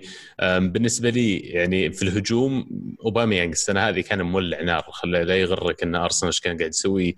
قد يكون إنه هو أكثر مهاجم potent في الدوري حاليا. أه، مبروك الفاردي لقب الهداف لكن يعني ما أعتقد إنه راح ي... راح ينافس اوباميانج عليه الموسم الجاي. وتمام أنا برضو ما أختلف. أنا ما شوف أنا ما قلت إيش معنات الكلام اللي أنا قلته بس أنا ما أتوقع إن فاردي راح ينافس أوباميانج على الهداف. أنا ما أتوقع. إن أوباميانج راح ينافس فاردي على اللقب ما أتوقع إن. أوباميانج راح يصير مع أرسنال الموسم عشان كذا ما راح ينافس. أصلا وجهة نظر هذه عاد أنا يمكن ما يعني ما أختلف عن الشباب كثير لكن ممكن أضيف آه، ديفيد سيلفا. ديفيد سيلفا بحكم إنه يعني موسم ختامي له مع أرسنال والمسيرة الكبيرة اللي قضاها. مع مع السيتي السيتي مع قصدي السيتي sorry مع السيتي آه، ف يعني أحس إنه آه، لاعب سوى فرق كبير في السيتي في في مراحل مختلفة خلينا نقول مع مدربين مختلفين فأحس إنه يستاهل كل مكان. خيمينيز بعد مهاجم وولفز يعني يستحق الذكر الصراحة لولا أن الثلاثة اللي هم إنجز وباميانج وفاردي كرؤوس حربة مولعين مرة الموسم هذا هو قد يكون من ضمن الخيارات حقتي. بس يعني صلاح وماني انسحب عليهم ما لا لا مو انسحب عليهم. هذا أكيد included لكن اعتبرهم أجنحة. عرفت إذا بتاخذ ثلاثة مهاجمين قدام؟ ما أدري. أنا ما حطيت تشكيله 11 بس قاعد أقول لك اللاعبين اللي فعلا أبدعوا الموسم هذا. ال- بالنسبة لي مدرب الموسم طبعا كريس وايلدر على الموسم اللي قدمه. وما ننسى طبعا الحبيب نونو سانتو يستاهل الذكر. موسم جيد والله. الموسم، موسم جيد لشيفيلد ها؟ آه، يعني صح إنه يعني حمسوني شوي زيادة وصلوا مراحل بعيدة. وجايك يا محمد لا تضحك جايك. وصلوا إلى مراحل بعيدة في الدوري وكان قريبين مرة من مقعد أوروبي لكن ترجع تفكر فيها فريق تو صاعد يخلص الدوري في المركز التاسع. أتوقع إنه يعني بداية جيدة جدا. يبنون عليها. إي رائع جدا. يبنون عليها وإن شاء الله أفضل الموسم القادم. على طاري مدربهم يعني. آه لكن أنا بانتظار بانتظار آه تيشيرت يا محمد إلى الآن. خلص الدوري. خلص الدوري. والله هو باقي ترى لسه نهائي ال FA Cup يعني هي- ما له دخل ما له دخل لا تقعد تصرف وش. قصة التيشيرت. علمنا وش قصة. التيشيرت التيشيرت من زمان محمد قال بجيب لك تيشيرت شيفيلد okay. تتبين إني قد ذكرت ذلك يا. مسجل تبين. كله مسجل لا تحاول طيب السؤال اللي يطرح نفسه أنا بس على دامنا قبل ما نخلص من الدوري الانجليزي تم اختيار كابتن ليفربول جوردن هندرسون كأفضل لاعب السنة هذه من طرف مجموعة ال- كتاب. كتاب كرة القدم في إنجلترا. أنا أتفق 100% 100% بالخيار هذا. بالنسبة لي جوردن هندرسون المنافس الوحيد اللي ممكن أقول لك لا ممكن يستاهلها هو دي بروين. لكن أتفهم آه، بشكل كبير خيار جوردن هندرسون كونه هو كابتن الفريق وكونه هو يمثل روح ليفربول اللي صار لهم فترة طويلة جدا يعانون ويكافحون على الدوري. واللاعب هذا أنا أشوف إنه مظلوم حقه. ما يع... ناس ما يقدرونه ما يعبرونه ف الله يهديك. يا المو سعدت جدا إني الصراحه فاز فيها لأن فعلا اللاعب هذا يستاهل recognition ووصل ال recognition في وجهة نظري اللاعب لا يستحقها واعطوه إياه مجاملة لأنه لاعب إنجليزي وكابتن ليفربول اللي ما فاز بالدوري من 30 سنة.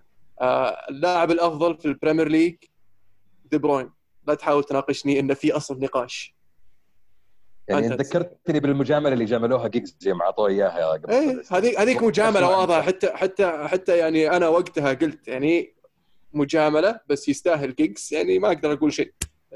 مو هذه هي مجاملة نتكلم عن. جيجز مو بهندرسون إيه، فرق. فرق انه بس إنه يستاهل نتكلم عن لاعب فاز 13 بريمير ليج. كبطل عالم كبطل آه، إنجلترا كبطل آه، أوروبا يستاهل. لا صدق إذا قاعد تقارن هندرسون بجيجز يا أبو شامسي بينا نوديك أنت- مدرسة أنا- كروية أنا يعني. أنا اقارن أقارنها من ناحية المجاملة بس أنت قبل شوي قلت. إحنا والجديدين اللي جايين نتابع كورة فيعني ادري إنكم حقين تشيلسي توكم جايين بس قبل كان في جيجز ترى وفايزين بدوريات كثير مو ترى بدأ 2006 لا لا بس again أنا أتكلم عن لاعب لفترة طويلة جدا ما كان هو الأفضل في مركزه ما كان هو الأفضل في الفريق بس you you want to recognize ال contribution حقه للفريق. هذه هي هذه هنا مسألة المقارنة. مجاملة. شكرا. انتهى الموضوع. يعني شفت لا- شكرا يا ابو شامسي أعطوه الهدية. مجاملة مو بلأنه يستحقها أنت وقلتها التسامح هي هي شوف هي جائزة لأنه في جائزة ثانية تطلع من الاتحاد الإنجليزي لأفضل لاعب. وهو الكل عارف إنه بتروح دي بروين. فالصحفيين في رأيي جاملوا لاعب زي ما قلت قائد وقدم موسم جيد وفريقه فاز تصير ترى. واعطوه الجائزه. لأن عندهم القدرة انه تخيل لو يعطون شركه يعطون نفس اللاعب يعطيه الاتحاد الإنجليزي. بتصير لا فيها تكرار مو فشكل يعني إيه. نوع شوف اللاعب الثاني اللي underrated والناس ما انتبهوا له أعطى الجائزة اي بالضبط يعني مو إنه غلط أو أو, أو يعني آه، عرفت بالعكس happens يعني يعني ما أدري مو. منطقي بس إنه إيه مجاملة بالضبط هذا اللي إيه، فهمته. الحين. لا بس قصدي مو, مو إنه زي. يعني خليني أعطيك مثال تذكر مثلا لما أعطوها في 2010 لما كان سنايدر فعلا أحسن لاعب في العالم وأعطوها زافي يعني هذيك بالنسبة لي كانت أسوأ من هذه. لا وقتها كنا كلنا وقت وقت وقت وش- لا لا قاعد. تشطح قاعد تشطح أبو أنت رجعت 2010 وزافي وسنايدر نتكلم عن جائزة الكتاب البريمير ليج. أي لا لا بس أنا أتكلم عن مثال آخر لجائزة كان أكثر الناس يشوفون انه واحد يستاهلها. سنايدر في 2010 كان يستاهل البالندور لأنه كان فايز في الثلاثية ولأنه وصل نهائي كأس العالم. وما انعطت البالندور لسنايدر معاييرها غير معايير أعطوها ميسي، الجائزتين ميسي. اعطوها ميسي ميسي اعطوها. اعطوها ميسي ميسي. إيه. ثاني شيء الجائزتين مختلفتين تماما. اولا ثانيا انه يعني آه هذيك يعني كانت آه في غير محلها وتكلمنا عنها كثير طيب okay بس نفس بنفس المثال الموضوع مو- عشان تحاول تقنعني انه عطوا هندرسون الجائزة ما هي بمجاملة لكن مجاملة اللاعب يا رب اني أنا. قايلها مجاملة وشكرا انتهى الموضوع طيب بطل. تفضل عزيز. إيه. لا لا خلاص كمل. أنا بس كنت بوقف. لما وقفت أنت يلا كمل. حلو. آه بطل الموسم طبعا دي بروين يستاهل وبطل الموسم الكتاب اللي عطوا الجائزة لي. آه، والله هيتر يا شيخ. مرة هيتر مرة. في هدف الأسبوع الموسم ولا؟ أنت علمنا. إذا ودك كل. والله هدف الموسم بالنسبة لي هدف مكتومني على مانشستر سيتي في الديربي آه، في الأولد ترافورد. طيب أنا بالنسبة لي بطل أسبوع آه، بطل بطل الموسم آه، ليفربول على الإنجاز الكبير اللي سووه الموسم هذا. آه، وتحقيقهم الدوري بعد غياب 30 سنة. بصل الموسم ما ودي أزعلك يا عبد الله فبقول بقول ليستر لأنهم في. في أتوقع في نهاية السنة نهاية 2019 كانوا فارقين ب 15 نقطة عن المركز الخامس وضيعوا مركز تشامبيونز ليج 14 14 نقطة. تأكد معلومتك. حتى إحنا ترى اليونايتد اللي كان. حلو حلو. آه وطيروا عليهم مركز الشامبيونز ليج فأنا بالنسبة لي هم بصل الموسم مع شوية للفريق اللي يشجع عبد الله بس خلاص حرام يعني. وما فازوا ليستر على ولا واحد من ال top 6 طول الموسم. طيب. أنا أنا أتفق معك يا عزيز بصل الموسم بالنسبة لي ليس ليستر بالتحديد لكن برندن روجرز الزبال. okay. اللي ما عرف يمسك نفسه آخر ثلاث أربع جولات ينصقع من بورنموث هابط يصقعك من أربعة بعد التوقف مو. بس ثلاث أربع جولات إي لا لا بس إن هذه المباراة اللي فرقت عرفت؟ تعادل يا تعيس ويمشي حالك. فبصل مرة بصل برندن روجرز والمشكلة يقولها هو إذا خسرنا وما تأهلنا الشامبيونز عادي ما كان هدفنا لا. اقلب وجهك. بطل الموسم بالنسبة لي هو براكس صراحة آه لأن يعني فاق التوقعات ويعني وصل ال objectives ما كنا نتوقع ممكن يوصلها ولا زال عنده فرصة بطوله أنا بالنسبة لي آه، كتغيير يعني آه، بقول بطل الموسم شيفيلد يونايتد بعد آه، أول موسم له في البريمير ليج وحصوله على المركز التاسع من فريق توه صاعد وما كان متوقع منه شيء كثير. بصل الموسم خليني بقول واتفورد أو إدارة واتفورد اللي ما عرفت تحافظ على ال- الفريق من ناحية تغيير المدربين. فجأة قبل نهاية الموسم ثلاث قبل ثلاث مباريات حاسمة تحدد بقائك في البريمير ليج تغيير المدرب اللي كان ماشي نوعا ما كويس مع الفريق. آه عفوا بس. مبارتين. مبارتين. مو ماشي نوعا ما. ال... ال... كان كان مرة كويس لدرجة إنه أعلى معدل فوز من المدربين اللي سبقوه ومع تحصيل نقاط لكن الإدارة مظبوط. ايطاليه سباكة طبعا. نايجل الظاهر بيرسون صح؟ نايجل بيرسون. كان آه، غريب يعني اقالته قبل نهاية الموسم ظهر مباراتين بعد. بس يعني ما كان ما كانت تفرق بس إيش ثقيلة بس يعني لما نتكلم عن فريق عنده ثلاث مدربين رسميين آه. في الموسم الواحد نتكلم عن فريق جايب العيد. عرفت هم يبغون الفزه حقت بعد تغيير المدرب عرفت؟ المشكلة انه تزبط معه بدت بالعكس بالعكس المشكلة انه عناصريا الفريق كويس يعني يعني مو بسيء لو لو تقارنه بفرق ثانية ممكن في نفس المستوى عندهم لاعبين جيدين لكن عاد آه، حقوها. الفريق آه. الوحيد اللي فاز على ليفربول في الدوري تستهبل صح. نايجل بيرسون بالنسبة للهدف صراحة ما في في بالي صراحة هدف يعني أهداف كثيرة والله جميلة يعني هدف الموسم لا يبي لنا شوي نطلع هدف الموسم. هدف عابد. هدف الأسبوع هو هدف أوباما يعني. أصبر هذا الأسبوع نجي طيب أصبر يا أخي. نهاية الحلقة. أم، بطل مرة صعب إنك تقول غير ليفربول بالذات الطريقة اللي فازوا فيها الدوري فيعني هذا خالصين منها. لكن إذا بختار شيء غيرهم بقول أداما تراوري على المستوى اللي طلع فيه الموسم هذا. واحد من القوات الضاربة في البريمير ليج اللي أتوقع راح يكون له يعني مستقبل خارج وولفز لأنه يعني الأرقام اللي قاعد يسويها شيء مو طبيعي. آه، بصل الموسم هذا بالنسبة لل Premier League الصفقات الكبيرة اللي قاموا فيها بعض الأندية اللي ما دون الوسط حاليا وكانوا يتوقعون منهم الكثير. أتكلم عن جولينتون آه، لاعب نيوكاسل آه، رقم قياسي كان العقد حقه ب 40 مليون إذا ما كنت غلطان. كوتروني جابوه وولفز كانوا مترجين نفس الشيء وسباستيان هالر في آه، ويست هام ظاهر. إي 45 مليون جايبينه فكل هذول ما أدوا بالشكل المطلوب. يمكن أكثرهم جولينتون اللي سجل هدفين بس خلال طول الموسم. والشكل أصلا ما ينفع يلعب Premier League حتى يعني هولر. ترى حوله. كذا هدفين. ثلاثة اي بس إنه يعني هالر على الأقل لما تشوفه يلعب على الأقل يعرف يلعب كورة. جولنتون يعني ما أدري من وين جابوه ولا أدري ليش دفعوا فيه المبلغ هذا. والله شيء غريب يعني.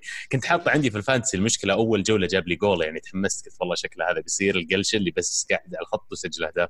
لكن مو بهذا اللي صار عشان كذا ما فزت بال fantasy هدف الأسبوع والله أو هدف الموسم ما يذك... ما يحضرني هدف حاليا يعني. أم... لكن يعني أتوقع top ten من الأشياء اللي سجلوها ليفربول الهجمات المرتدة السريعة دي حقتهم. مش طبيعية. طيب. عم. خلصنا بالدوري. الإيطالي؟ لا لا باقي فقرة واحدة مهمة. أنا موكل الموضوع عند عبد الله. fantasy؟ إيه. عندك ال fantasy يا عبد الله؟ fantasy كم تبي ال- حق الموسم هذا لنا كلنا يعني؟ لا أنا والله إن. ال fantasy خلص وعندنا واحد فاز. صح صح. بس قبل كذا أنا بعطيكم review على يعني إحنا إيش سوينا. كلنا زبلنا. ما حد فينا طالع ظاهر في ال top 100 أصلا في شكرا. شكرا على المعلومات المفيدة يا عبد الله. إيه، يعني معليش الموسم الجاي. أطمح أطمح الموسم الجاي إن المرة الماضية قلنا نبي نطلع top 10 يا جماعة الخير top 100 بس أنا- 100 أنا- أول 100 والله لي عودة. لي عودة الموسم القادم. راح أشارك مرة ثانية أروح أعلمكم كيف تلعبون مرة ثانية. يا عمي الله حق والله معنا ناس مرة أقوياء. وين؟ الأول عموما اللي فاز dream team at 49 فينجر آه في آخر جولة ترى طلع صار الأول آه عنده 2359 مبروك لك dream team ما هي بسهلة ترى إنك تقعد على مدى موسم كامل تتوقع من اللاعبين اللي بيجيبون نقاط وتبدأ تغير وعلى أساسها تتخذ قرارات. لكن آه، يعني صح عليك والله اللي بعد هذا الجهد كله قدرت تطلع الأول. أرسنالي ها؟ يعني أتوقع dream team وات أتوقع يستاهل تيشرت. والله يستاهل. تعطيه اللي وراك. هذا والله يقول إنه حقك يا عزيز. يبين ذا. لا لا أبد يبشر. إن شاء الله إحنا يعني بنتواصل إن شاء الله معك. يا ليت لو أنت قاعد تشوف حلقتنا تواصل معنا على حسابنا على تويتر. وإن شاء الله نبي ننسق موضوع حصولك على جائزة الكرة معنا ال fantasy. أنا أهم شيء بالنسبة لي ال fantasy السنة هذه يا شباب إني أول مرة ألعب fantasy أول موسم العب fantasy. و... و... كيف عجبك أبو شامسي؟ وأحسن منك يا عبد الله فرق بيني وبينك طيب طيب ما يخالف ما يخالف أنا عرفت؟ صارت الظروف التوقف أنا ما ساعدتني تساعد الناس اللي ما عندهم خبرة كذا جايين والله تصدق تصدق لا والصراحة مرة متعة يعني مرة يعني تعطيك dimension مختلف من ناحية إنه okay أنا الحين عندي سبب إني أتابع مباراة واتفورد استون فيلا ولا لازم يسجل جاك جريليش عرفت؟ فمن الناحية هذه بالعكس متعة جدا. وحتى يعني وأنا أتابع مثلا قاعد مع ألمو نتابع مباريات اليونايتد أول يعني قاعدين نتفق طول المباراه الحين لا أشجع مارشال يسجل. ف... ففيها فيها element مختلف الصراحة. بس وتعلمت دروس كثيرة أشياء to do to not do عشان يعني الموسم الجاي ما عاد ما دامنا قدام الناس الحين خلينا نقول الموسم الجاي نبي نسوي draft يا عيال. هذا إحنا خمسة الخمسة نبي نسوي draft. كابتن أول كابتن ثاني لين كابتن خامس بالقرعة. واللاعبين ما يتكررون بين الفرق. ويصير. دوري خاص بيننا ونشوف عاد مين اللي يفوز. ناخذ عليها يعني حلو. ولا هو خلاص. فكره شاورما. ممتازة. شاورما أبو شمس ماسكة على الشاورما. حلو جامد. وين؟ آه، على طار الفانتسي بس أحب أذكرك أبو شامسي انك انت توعدني إنك تعداني في الدوري الخاص لكن أبشرك إني تعديت اللي فوقي تعديت أوه. الأسمي وما زلت كلام. المركز الثالث يا لا أنا شوف أنا أنا مد أنا mid table الحمد لله مبسوط mid table لأني اسوء واحد لأني أحسن واحد يكفي يعني يكفيني فخرا وشرفا ان إن يعني إني ماني إنك تلعب معنا في نفس الدوري طبعا يكفيك طبعا أبو شامسي نعم نعم فطاحلة ال fantasy يا أبوي إيش فيك أنت؟ أكيد أكيد أكيد. بس يبي لك عبد الرحمن تخش معنا الصراحة. إن شاء الله الموسم الجاي بإذن الله. ضروري نوريكم ضروري نوريكم لنا عودة. أنا حلو. وعزيز آه، بالدوري الإيطالي اليوفي يفوز اثنين ويفوز بالدوري وأخيرا. مبروك الدوري يا عزيز. كنا الله. اليوفي ودهم ياخرونه شوية كان ما ودهم حتى آه، يفوزون فيه. الله يبارك فيك ويبارك فيكم جميعا. آه يعني كان ممكن يحسبونها قبل بجولة خسارة من أودينيزي. آه طبعا فوز على لاتسيو خسارة من أودينيزي. آه بعدين فوز آه على سامتوريا يعني اليوفي حسم الدوري ترى قبل نهاية الدوري بجولتين. ترى ما هو بشيء يعني مو بشيء مو يعني متأخر مرة. يعني مقارنة بالسنوات الماضية مو متأخر مرة. معلومة إن اليوفي له أكثر من 3000 يوم وهو بطل إيطاليا. تقريبا من التسع سنوات هذه تقريبا 3000 يوم واليوفي حامل لقب آه، بطل إيطاليا. شغل جبار. أنا أول شيء لازم أتكلم بالأشياء الإيجابية. آه، عمل كبير جدا جدا جدا من إدارة اليوفي المنظومة بشكل كامل. آه، من يوم ما استلم أندريا أنيلي الرئاسة وصار هو المسؤول الأول واشتغل على النادي والفريق طبعا اشتغل الملعب اول شيء. ومنظومة متكاملة من بداية العمل. آه، رغم إنه يمكن مر في موسم سيء في البداية لكن بعدها آه، اليوفي آه، الأقوى في إيطاليا ويصل بعيدا في في Champions League أعاد كثير لليوفي من بريقه ومن من شعبيته أيضا. فالعمل ما هو بسهل ابدا. تكلمنا نفس الموضوع مع بايرن ميونخ. ما هو بسهل إنك تستمر فترة طويلة سبع ثمان تسع سنوات ورا بعض. تجيب فيها الدوري ما هو بشيء سهل ابدا. ولا أحد يحس إنه آه، لأن اليوفي أقوى فريق خلاص مضمون ياخذ الدوري. يعني كثير ناس الموسم هذا في نص الموسم كانوا يتكلمون عن لا السنة هذه غير فيها لاتسيو في إنتر آه، منافسين.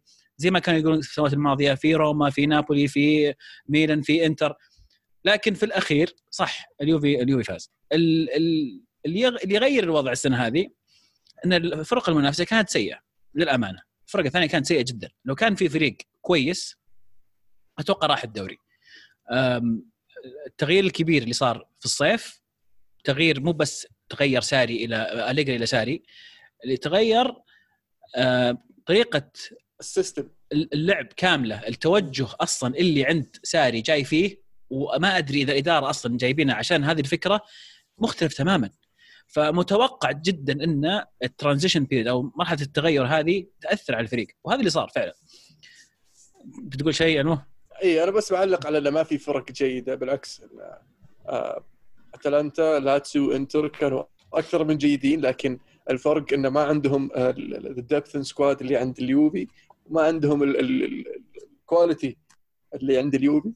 ف يعني لو تشيل مثلا دكة اليوفي آه، أو نص دكه اليوفي ممكن تعطي منافسة أكبر آه، نشوف منافسة أكبر من الفرق الأخرى.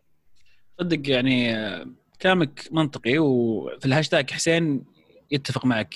حسين في الهاشتاج يقول عشان تستوعبون حجم الفجوة بين اليوفي وغيرها من الأندية الإيطالية اسوء وأقبح يوفي من تسع سنوات فاز بالدوري اللي نافسه فيه. أفضل لاتسيو من 20 سنة أفضل إنتر من 10 سنوات وأفضل أتلانتا في تاريخ بمعنى نسخة اليوفي الكارثية هذه لا زالت أفضل من بقية أندية الكالتشيو.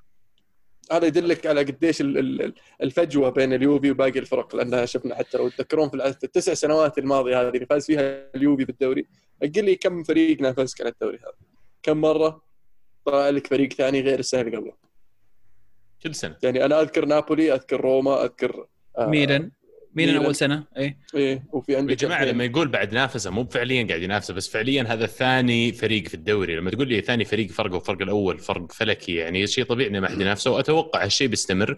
بنشوف السنوات الجاية يعني يمكن إنتر الآن أقرب شيء إنه يكون منافس حقيقي لكن واقعيا إنتر اليوم حتى ما يعتبر منافس حقيقي لليوفي على اللقب. قاعد تلعب أنت بلاعبين زي كريستيانو وديبالا في الهجوم. ما يقارن بأي خط هجوم ثاني موجود في الدوري الإيطالي. بس ابى أقول لك إن ال- ال- المنافسة في الدوري الإيطالي شفناها في الآخر كم موسم تستمر إلين الجولة 20 في- أو أو 28 إلى قبل آخر 10 جولات يبدأ اليوفي يفرق عن الفرق الأخرى لأن الفرق الأخرى ما عاد يصير فيها الجلد ولا فيها ولا عندها النفس أنها آه، تستمر في ملاحقة يوفنتوس. بعض بعض الأحيان بالعكس يكون الفريق متصدر شفناها قبل كم موسم الفريق متصدر واليوفي لاحقه لين الفريق الآخر يفقد النفس في نابولي الموسم آه، الموسم الأخير مع ساري آه، بعدين تعداها اليوفي وفرق فالمشكلة مو بس في آه، في في أن أن ما في منافسة بالعكس المشكلة أن المنافسة لا تستمر إلى نهاية الموسم. صح. أن في فرق كثير في الدوري الايطالي جربت بس ما عندها النفس اللي عند اليوفنتوس. وأحد أكبر الأسباب أن الفجوة المالية بين اليوفي وبين أي فريق ثاني في إيطاليا مجنونة. ما يعني صعب مرة أنك توصل لهم إذا هم ضامنين أن عندهم ملعب وكل ما داخل الملعب تدخل لهم. فإلين ما أنا- الشيء هذا يتغير ما أشوف إنه ممكن يتغير الوضع في ايطاليا كثير.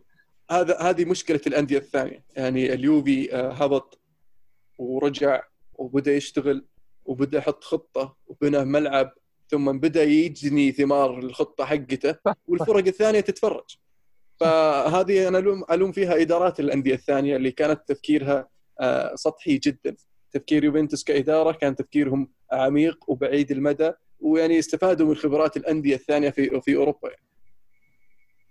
وكم مرة سمعنا إنه- إيه، أسلم قل ومع العلم إنه الإنتر يعني ترى يعتبر دفع آه، الفترة الماضية يعني آه، إذا بنتكلم عن الأمور المالية يعني الإنتر كان متوقع منه الموسم هذا المفروض يعني أفضل منافسة. من من اللي. شفناه آه، المنافسة يعني لوكاكو سانشيز ويونغ حتى لهم بالإعارة عندك برضو جودين ممكن مجانا ولكن فيه كان فيه خطة معينة حاولوا الإنتر إنهم يعني يوصلون من خلالها إلى المنافسة ولكن آه، اليوفي زي ما تكلمنا زي ما ذكر عزيز تكلمنا عن بايرن ميونخ قبل ثقافة الفريق. مع العلم إنه حتى اليوفي ترى يعني أتوقع إنه عزيز يمكن توافقني الراي يعني كانتقالات تعتبر من يمكن أقل المواسم آه، جودة لاعبين آه، آه، تعاقدوا معهم اليوفي هذا الموسم. وهذا يمكن اللي يقودني يمكن لنقاش ثاني أو سؤال ثاني عن عن ساري. يمكن صار بيننا وياك عزيز نقاش عن ساري. هل المشكلة اللي كانت في يوفي هالموسم هي من ساري وحيدة. يعني بس ساري هو المشكلة. طريقة لعب ساري هي هل الاساس ولا في أشياء ثانية آه، سببت هذا النوع من المستوى وسببت التأخير خلينا نقول في الحسم آه، بالنسبة لليوفي يعني مستحيل إني ألوم ساري لحاله أتوقع تكلمت في الموضوع كثير عدناه وسولفنا فيه. ال- ال- المشكلة الأساسية انه ما كان في أي توافق بين شغل الإدارة وشغل ساري. واضح إنه ساري أعطي فرصة جديدة وما فوت ما فوت يعني ما صدق خبر. اليوفي يجيك يقول لك تعال درب ما راح يقول لا طبعا. على عكس مدربين ثانيين عندهم اسمهم في السوق لو بيجي اليوفي يقول له بدرب يقول طيب بجي لكن عندي أبغى فلان أبغى أسوي كذا أبغى أتحكم أكثر سلطة أكثر في سوق الانتقالات. بحيث أنا أختار الأسماء اللي تجي أوافق عليها ولا لا. ساري العكس. أضف إلى ذلك مشكلة كبيرة عند ساري إنه استلم فريق يلعب بطريق بطريقة أليجري ويبغى يخليه يلعب بطريقة ساري. فهذا التغير يحتاج شغل ما هو بسهل. في موسم صار فيه توقف و... وما كان عنده القدرة أو المدة الكافية أنه مو بالمدة ما ما قدر صدق يوصل اسلوبه للعيبة. إلى اليوم اللعيبة مو بس خل هجوميا خل ساري بول الخربات هذه دفاعيا. طريقة الصفة الدفاعية حقت ساري إلى الآن اليوفي ما يلعب فيها. مو عارفين يلعبونها بالطريقة اللي يبغاها ساري. ما أقدر ألوم اللعيبة. لعيبه كبار وخبرة. يمكن بعض اللعيبة مو في المستوى لكن الواضح إن أسلوب ساري ما بعد يصل إلى جميع اللعيبة. في فائدة وحيدة ديبالا. ديبالا شفناه رجع بمستوى ممتاز الموسم هذا وهذا يحسب لساري طريقة توظيفه لديبالا. يمكن بشكل كامل الموسم هذا يمكن ديبالا هو أهم لاعب مع رونالدو. المستقبل هو اللي عليه تساؤلات كثيرة الآن. هل هو ساري؟ هل هو أسماء أخرى تذكر كثر اسم بوكيتينو؟ وما أدري إذا هو صدق ولا لا. لكن هل تعطي ساري سوق انتقالات على كيفه وتخليه تقول تثق فيه تقول له يلا امسك تفضل؟ طبعا غير كذا لا تنسى إن في Champions League هل نتيجه Champions League راح تأثر على القرار هذا ولا لا؟ اذا طلع إذا طلع اليوفي من نابولي في أول مباراة هل ممكن يقال ساري؟ ولا إذا تأهل بيقعد؟ الشيء الثاني هل تثق فيه وتعطيه سوق؟ تعطيه تقول يلا تعال مين تبغى لعيبة؟ أنا بجيب لك تبغاهم اللي يلعبون خطتك وخذ صيف كامل مو صيف كامل لأن الموسم هذا يعني شوي حوسة. لكن خذ راحتك الفترة هذه حاول تصل مع الفريق إلى طريقة اللعب اللي تشوفها مناسبة. ولا أنا أقول لا خلاص آه، ما أقدر أكمل مع ساري أنا مستوى الفريق ما شفت مستوى سيء من تسع سنوات ما شفت المستوى السيء هذا ولا أثق في المدرب هذا. أعطيته موسم كامل شيله وجيب مغامرة جديدة. وراح واكد على كلمة مغامرة. وجيب بوكاتينو وجيب اللي تبي راح تكون لسه مغامرة. وانت تشوف تكمل مع ساري ولا؟ يعني أنا حامد كبدي من لعب اليوفي السنة هذه. جدا جدا حامد. يعني مستوى سيء سيء مرة مرة. يعني ما أذكر من ما أذكر. آخر مرة كنت أشوف مباراة اليوفي ويحوم كبدي كذا كانت 2010 قبل شو اسمه؟ آه، شو اسمه؟ طيب الذكر ذوليك. دل نيري لا أبو نظارات رانييري. لا لا لا لا رانييري. يدرب سمدوريا اي دل نيري دل نيري. هو دل نيري. آه يعني كانت هذيك المواسم كانت سيئة جدا. ف ما أدري. صراحة يعني قرار صعب لكن إذا بوكيتينو متاح جرب. أنا يعني مشكلة ساري يمكن مزاجي شوي مصر على طريقة اللعبه ما يبغى يغيرها ما يبغى يجرب. تو شفناه يحاول يدور يلعب يغير الأربعة ثلاثة ثلاثة عشان عنده إصابات. بس ليش ما تجرب مع واحد جديد؟ من برا إذا أنت بتطلع صدق تبغى تغير أسلوب لعب الكرة الإيطالية لا تجيب واحد إيطالي راح تجيب واحد ثاني يلعب بطريقة مختلفة تماما. جرب. تشطح صدق. اي جيب شو اسمه ناجلزمان هو اسمه؟ حق جوليان لايبزيج إيه. إيه. أوه ممتاز. صدق فأنا ودي أسمع يعني وجهة نظر خارجية. ما جازت لك وجهة النظر هذه؟ غير هذه. يعني أنا أحس لو إني مكان اليوفي وبيحصل لي واحد زي بوكيتينو مقابل اللي قاعد يصير الموسم هذا ما شفت كفاية من ساري إنه يقنعني إنه فعلا هو الخيار المناسب إنه يكمل مع اليوفي. أم، أليجري كان دائما على الرغم من الاختراعات اللي يقعد يسويها.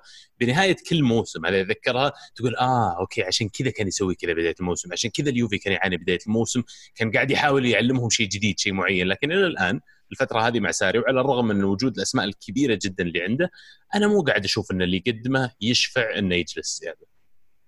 صادق عبد الله نقطة يعني في نقطة مهمة جدا. اليوفي في نهاية الموسم مو بقادر يمسك نتيجة. وهذا شيء غريب. يعني في أكثر من مباراة يتقدم اليوفي بهدف أو هدفين وتنقلب عليه. اليوفي كان ملك إنه يقتل المباراة على 2-0 ي- خلاص قفل. أكثر مباراة أحسن فريق يعرف يقتل المباراة في الدوري الإيطالي. كان وحتى يمكن على مستوى أيام البي بي سي إذا نذكر. إي إي يعني حتى كان أحيانا ينزل برزالي من الدكة عشان خلاص. يعني انسى انسى انسى موضوعك. فاليوفي كان يفقد الكره له له ما عنده استحواذ. يجي فريق زي أتلانتا وساسولو يلعب فيك. تتقدم بهدفين وتنقلب عليك بأربعة. شفناها في مباراة ميلان. إيه، حتى تحس الفريق ما في أسلوب ما في أي نوع من اللمسة اللي واضحة من ساري. هوية. ما في هوية من ساري ابدا اطلاقا. وكان فعلا النتائج كثير منها اجتهادات شخصية من اللعيبة. إبداع ديبالا وأهداف رونالدو. هذه الأشياء اللي كانت فعلا تخلي اليوفي مستمر على ال- الوضع اللي كان فيه. ف أنا أشوف لو بوكيتينو فعلا متاح ما لم يفوز ساري بال Champions League تجيب بوكيتينو أستبعد. مهمة هذه بس المال آه، يعني ما هي يعني مرة شطحة يعني ما توقعت تصير. أنا شايلها مليون الحين تقولي Champions League يا عمي ترى ما عاد في ذهب واياب الأمور سهلة. knockout وامشي. والله اليوفي كان دائما يبدع في الذهب واياب صراحة يعني. وشو اللي لعبة عندك؟ الذهب. وشو اللي عندك؟ الدون. هذا وقته. والله مسيكين الدون والله مسيكين الدون سجل وضيع بلنتي يا شباب. أول بلنتي ضيعه في الدوري الإيطالي. جت في ال- في العارضة. آه، إيموبيلي سجل hat-trick hat-trick يعني مع مع مساعدة كبيرة من من الحكام يعني الله يهديهم. عادل ليفاندوفسكي في آه، الحين السباق على القدم الذهبيه أو الحذاء الذهبي لهداف الدوريات الكبرى. بس أحد شاف البلنتيات حقت آه، تشيرو؟ إيموبيلي لا والله. تسليك تسليك تسليك يعني. واحد منهم هداف واضح. عشان يصير واحد منهم. واحد منهم. هو عطى ركبة للحارس. في وجه الفار طيب؟ ركبة في وجه إيه الحارس؟ تعبنا والله. تعبنا. هذه حركات اليونايتد اللي برونو يدعس على لاعب ويعطونا بلنتي. حول حول حول. آه جالس ماتش. just saying طيب اللي باقي في ايطاليا من جولتين الإنتر الآن في المركز الثاني ب 76 نقطة. على طاري الإنتر.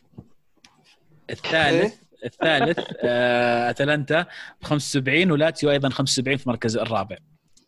هذول الثلاثة كلهم ضم تقريبا ضمنوا ال Champions League إلا في حال حدوث معجزة وهي فوز روما بال Europa League ونابولي بال Champions League الرابع يطلع. وهذا شيء يعني أتوقع احتماليه أكبر إن يوفي يفوز بال Champions League على إن هذا شيء يصير. ف فتوقعاتكم للثالث والثاني والرابع الترتيب هذا. أتوقع إن الإنتر راح ينتهي ينهي في المركز الثاني واتلانتا في المركز الثالث تعرف مباراة الإنتر الجاية مع مين؟ ما مين؟ نابولي وأتلانتا لا. فراح ياخذ المركز الثالث من أتلانتا الثاني عفوا آه. بالنسبة للإنتر الحين الإنتر الحين مع سانشيز وكل ما شفت سانشيز قاعد يبدع أتذكرك يا عزيز وأنت قاعد تقول فيه وما لا فيه فحاليا أنا؟ سانشيز أنا؟ آه اي اي ما قلت أنا كنت أتمنى سانشيز. يجي اليوفي من زمان. كله مسجل لا لا لا جحد، نتكلم عن سانشيز مع الإنتر. إيه. آه شو اسمه؟ ال- لا إله إلا الله. سانشيز استفاد كثير من نزول مستوى لوتارو في الفترة الأخيرة بعد التوقف بعد ما كثرت إشاعات برشلونة برشلونة مهتم برشلونة يبغاه. فهذه الأمور بدا يبدو لي إنها شتتت آه، تركيز لوتارو وسبب هبوط في المستوى واستغلها سانشيز وشفنا سانشيز يسجل وشفنا سانشيز يصنع يسوي خطورة. ويبدو لي إنها يعني ال- الإنتر راح يفتقد اللاعب هذا في آه، ال Europa League. لما يعودوا ال Europa League لأن مانشستر يونايتد رفض تمديد الإعارة إلى ما ينتهي ال Europa League. إذا تبغاه لازم تشتريه الحين. فخلصت التجربة. نفس الشيء يلا، سمولينج لجمهور. إنتر لجمهور روما يعني. أنت قاعد تخاطب الإدارتين من هذا المنبر؟ إيه. ما قلت لك وش صار أنا ما قلت لك وش صار ذاك اليوم. فاتح البسطه هو. إيه أقول لك ذاك اليوم والله أنا بديت أشك انه في دبوس معنا. أوف. يوم السبت. يوم السبت قاعدين يعني آه، كيف في نسولف دبوس؟ عن ليدز. آه اسمع، احسب حلقه أحسب حلقة. لا لا تاكي تاكي هنا في الملحق معي معي أبو شامسي وحسام أخوي وعادل قاعدين نسولف عن ليدز وبيلسا ومدري وش وتحمسنا شغلنا يوتيوب نتفرج آه، آه، ليدز اهدافهم الموسم الماضي طريقة اللعب فيديوهات تشرح لك كذا. ثم قعدنا نسولف والله هذا المدرب المناسب لبرشلونة. هذا المدرب اللي يحتاجونه برشلونة. والله يا عيال من بكرة الصبح أصحى أفتح تويتر ميسي يطالب ببيلسا يكون مدرب برشلونة الجديد. أنا شكيت أبو شامسي بصراحة. والله يعني شوف هو ميسي يستاهل يكون سعيد وإذا كان بيكون سعيد ببيلسا نجيب له بيلسا يا أخي ليش لا لا؟ لا هو يجي عند بيلسا خليه يجي الدوري الإنجليزي. ما دام يلعب مع ليدز. جينا برشلونة. إيه ليش لا؟ والله هذا التحدي الحقيقي تبغى تصير legend التاريخ تعال مع ليدز وفوز بال Premier League وريني. فعلا لأن بيلسا يحتاج لاعب رقم 10 بدل بابلو هرنانديز اللي يعني عمره 35 سنة. ويعني من افضل من واضحة. ليونيل ميسي واضح علينا ميسي. خلاص. من, من هذا المنبر ميسي إلى ليدز. يا اعتمدوا بينا let's go let's go طارق يقول المنطقي لما تقدم شيء عظيم مع نابولي وبعدها تروح اليوفي غالبا راح تقدم شيء أكبر أو باسوء الأحوال شيء مشابه. اللي قدمته لما كانت الأدوات عندك أقل. ممكن تشرحون لي ليش هالشيء ما صار مع ساري؟ وسؤال ثاني تشوفون جاسبريني مناسب لليوفي؟ والله بالنسبة لجاسبريني أتوقع اليوفي راح يدمره فخليك مع أتلانتا. إذا بتروح فريق ثاني يطلع من الدوري الإيطالي. أنا ما أحس انه جاسبريني يعني جاسبريني شيء مقدم شيء جميل جدا مع أتلانتا لكن ودك إنه يستمر أصلا. اي ما ما أحس إنه ال- الأوضاع راح تختلف الضغوط إيه، راح تختلف التطل... المتطلبات راح تختلف يعني راح يتعثر إذا تعثر أول عشر جولات يمكن ما نشوفه كذا. ف مخاطره زي تجربته. بالنسبة له. زي تجربته مع الانتر. آه. كنا كنا متفائلين ومتوقعين بعد جنوا وموسم الرائع مع. جنوا. صحيح. طيب MZDS يقول ما أدري وش نقول مشجعين اليوفي هل نقول لهم مبروك الفوز بالدوري ولا نقول hard luck استمرار ساري بالتدريب بسبب فوزه بالدوري؟ سؤالي هو وش الخطوات اللي المفروض يتبعها اليوفي حتى يحقق الاستقرار والتقدم لهم سواء محليا أو اوروبيا؟ لأن الوضع مش ولا بد خصوصا دوري الأبطال. واضحه الخطة. طلع أجيب لكم اللستة. أجيب لكم اللستة؟ لسته موجوده. ترى أيوه يعني ثمان. تسع لعيبة تطلعهم ذولي تخلص منهم. كوكسل. وي تجيب تجيب ناس أحسن من الموجودين حاليا. طيب عطني السبعة وعطني الناس بسم الاحسن الله. روجاني. آه بونوتشي. ديشيليو. آم، هذا في ال- في الدفاع. آه خضيرة. ماتويدي. ايجواين. كوستا برناردسكي يعني ينفع احتياط بس إنه إذا إذا جاها بيشتريه ولا من دخل صفقة تبادل يروح ما يخالف نتكلم عن كو- wholesale changes يعني عملية تجديد إي للفريق إي إي إي وصلنا سبعة ونص سبعة ونص خلاص يكفي طيب الحين تشوف تعال. قلبين دفاع وظهير. يمين فأنت تحتاج يعني قلب, قلب دفاع حلو. واحد على الأقل ممتاز ظهير- تروح- تجيب مين؟ أصلاً. جيب مين؟ ألابا جيب الابا ليش؟ لأنه يلعب قلب ويلعب ظهير. بس يلعب يسار ما يلعب يمين. ممتاز. أنا عادي ما عندي خلي الكساندرو يتكي دكه لين ينضبط. ما عندي مانع. okay. اساسي أساسي الدفاع عندك رو... آه، شو اسمه؟ آه، ديميرال وديلخت. في الاحتياط كليني وترجع دكة. كليني دكة نعم. rotation حلو. إيه. وت- وتجيب آه، ترجع من الإعارة روميرو من جنوا. ترجع من الإعارة. جميل. ظهير يمين طيب. ظهير يمين هذا اللاعب اللي عجزت يمكن بيريرا حق ليستر بس ما أدري شو وضعه بعد- الإصابة صراحة ترى يقولون كريس سمولينج يلعب يمين لا تشارك لو. سمحت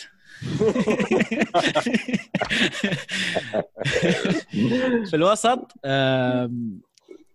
عندك بنتانكور موجود جيب جا وجاء آرثر ممكن تجيب معاه آه، ميلينكوفيتش. سافيتش مين آه، شو اسمه واحد يعني صانع لعب. أو كاستروفيلي من فيورنتينا لاعب كويس برضو ينفع. آه شو اسمه؟ آه شو اسمه؟ رويز من نابولي. ممكن رويز. هذا لو قدرت تجيبه أتوقع إنه يعني راح إيه. يتغير شكل ال- ال- الوسط راح يتغير آه، التناغم والتجانس في خطوط اليوفنتوس وراح نشوف ساري ball أفضل. ممكن.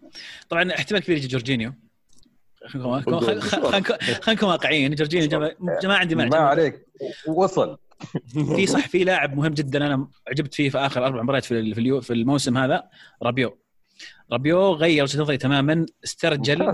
استرجل وصار كويس بس إنه عنده مشكلة شوي ذهنية عقلية شوي. آه، يتنرفز بسرعة يعصب بياخذ كروت ما لها داعي. ولا اللاعب جسمانيا ممتاز والمساهمه الهجومية عنده رائعة رائعة جدا. فممكن يكون أساسي في المنظومة القادمة. بحيث إنه يكون رابيو وآرثر ولاعب ثالث مع بنتانكور يكون rotation معهم. في حق بارما اللي already شريتوه. اي نجيك على الهجوم. الهجوم عندك آه، ديبالا ورونالدو وجايك آه، كولوسيفسكي من بارما. تجيب واحد زي لاكازيت مثلا ولا زي ميلك نبيع ترى عادي سعره. مناسب لو زي تعرض نعم. ولا شطحة تجيب آداما تراوري. واحسن. أحسن والله. تراوري. بيزحف بكم اي هذا اللي تشيله. yes يبون الفكة حق ال Premier League. طفشهم. وبهذا الشكل لاكازيت؟ تكون صفيت أبو اليوفي كله وتجيب مدرب تعرض؟ جديد. يلا. أنا بعرف كم تبغى والله ما ما ما في سوم يعلموا بس منهم مختلفين. الحين هو اللي يفاوض؟ هو يسألني الحين أنا قلت له ما إحنا سوم روح- روح. يعني بس حط حط في الصفقة أي واحد من السبعة ونص اللي قلت لك اياهم بس أنت تتكلم يعني على كوستا ترى. إذا أنت فعلا تبغى تسوي التجديد هذا تتكلم مو الصيف الجاي الصيف الجاي واللي بعده عشان تعمل يعني تصنع تص- تغير, تركيبة الفريق وتشكيلة الفريق بالشكل هذا يعني واقعي. ما تحس إن ممكن نسويها في موسم واحد؟ لا تقدر. في الوضع لأن ما في الوضع في ال11 نفسه ما راح يتغيرون لثلاثه يمكن. اساسيين بس نتكلم اتكلم في الوضع الحالي في السوق الحين اللي بيجي ما يعني ما أدري كيف بيصير السوق الشهر الجاي الصراحه إيه، أنا السوق يبدو لي إنه أكثر بيكون آه، مبادرة لعيبة أكثر من فلوس اي أنا أحس إنه بيكون في تحفظ كثير في السوق يعني فمن هذا الباب يعني لا في ناس يدورون على مدافع راح نعطيهم عندنا مدافعين كويسين رقم 19 وروجاني نأخذ من عندهم لعيبة عادي كذا أساميهم إيه. والله حساس مرة رقم 19 من إيش؟ إيه. إيش تقريبا. إيش اسمه؟ قاي إيه. ها حلو والله عزيز موجي خلاص. أوف. يمسكوني يمسكوني الموضوع بس والله. خلوني. طب بسالك نابولي الحين. مم. نابولي كم؟ السادس الحين؟ السابع. نابولي إيه سابع. تقريبا. نابولي يا طويل العمر الحين في كلام عن آه، شو اسمه عثمان لاعب ليل وإن يبغون مدافع برضو جابرييل برضو من ليل يخلصونه بصفقة واحدة. ويبدو لي إن في كم واحد يطلع لكن ما زالت الصورة غير واضحة بالنسبة لي.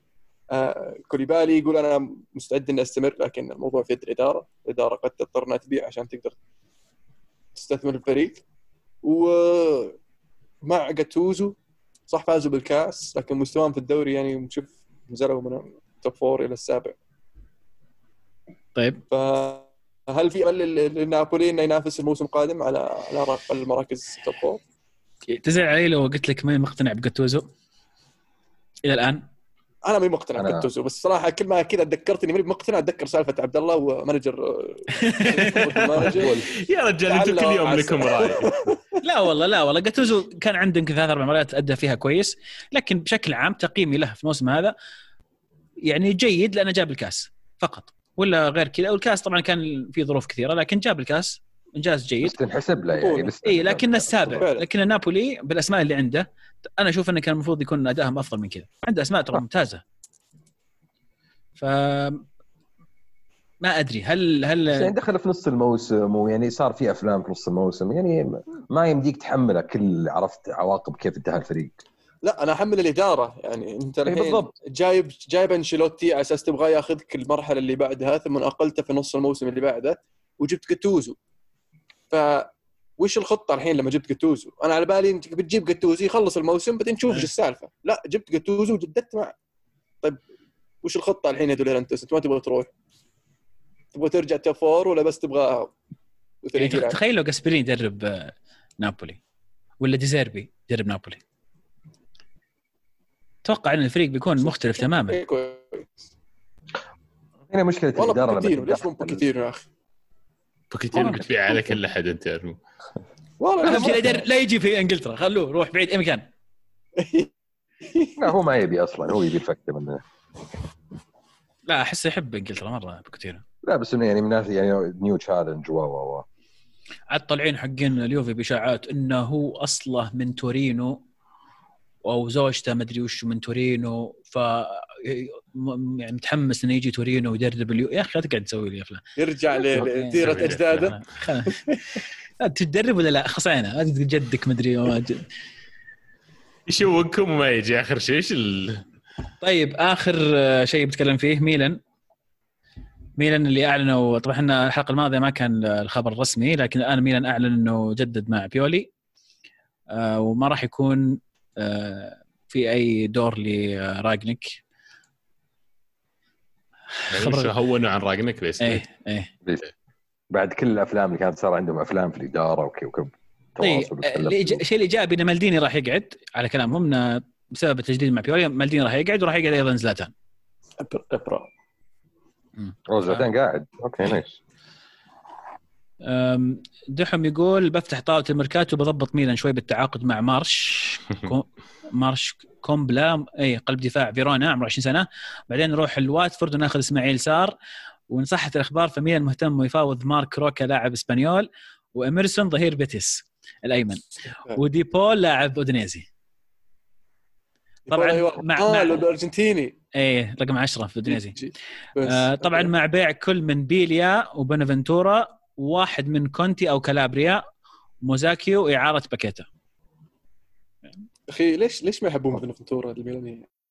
أنا قدر اللاعب من كثر ما ذاقوه المشكلة مزاجي مرة اللاعب عرفت كل يوم له آه، أداء فنان لا هو فمثل- يعني بعقب بالاصابه كان شايل الفريق كان هو ال creative force في الفريق. بعدين جته الإصابة وغاب ونقع الميلان لين جابوا باكيتا. ثم بدأ يضبط الفريق. ثم وج- وجد صعوبة يعني إنه يرجع للفريق لأن باكيتا موجود. ثم يوم طلع آه، كاتوزو تغير ال system. ف حرام يلومونه بصراحة لأن الفترة اللي اللي كانوا فيها إذا تذكرون يعني Super Cup يوم نحن المباراه يا عزيز. إي لعب دور والله. يعني هذاك الموسم كان كان خرافي يعني. أتوقع إن الإصابة لعبت فيه هنا يعني الر- الر- الرباط آه، مو مو بسهل. صحيح. بس الخيارين خيارين ميلان إيمرسون وروكا بحكم إنهم يعني يلعبون في الدوري الأسباني وإيمرسون معار من برشلونه على فكرة ظهير بيتيس.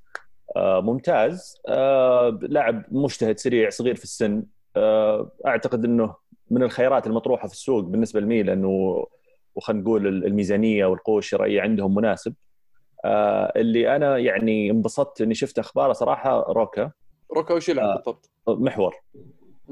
مع إسبانيول آه، لاعب ممتاز جدا أر- أرتبط آه، روكب يعني آه، اسمه مع ميونخ ومدريد ميونخ يمكن كان أتوقع آه، آه، بداية الموسم يمكن أو في الشتوية آه، على أساس إنه يكون بديل لخافي مارتينيز.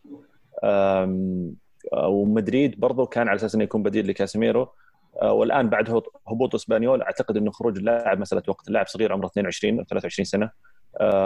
ممتاز. يعني جيد افتكاك الكورة قوي. آه، عنده الكوره الطويلة برضو. يعني يحطك أنت آه، يا المهاجم يعني عرفت من. لمسة واحدة قدام الباب أنت وضميرك.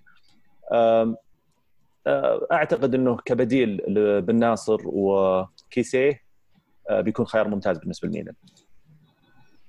ريان يقول كان المفترض على إدارة ميلان المفاوضات مع راجنك تكون سري مع راجنك تكون سرية. الآن إذا فشل بيولي كل الجمهور بيلوم الاداره غير التضحية ببوبان اللي كان سببها راجنك إيجابيات بقاء بيولي استمرار زلاتان ومالديني.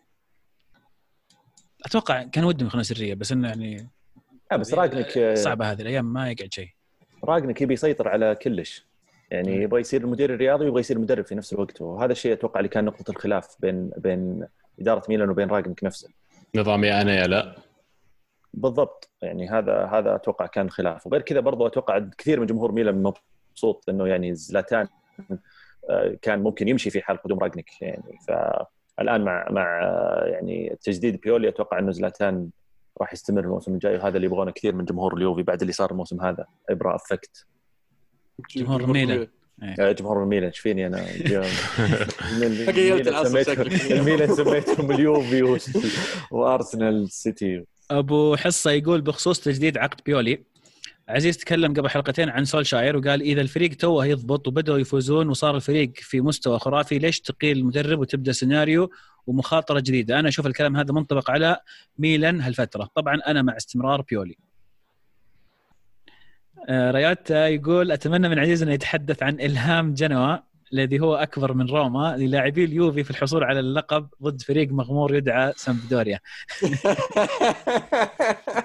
حلو حلو.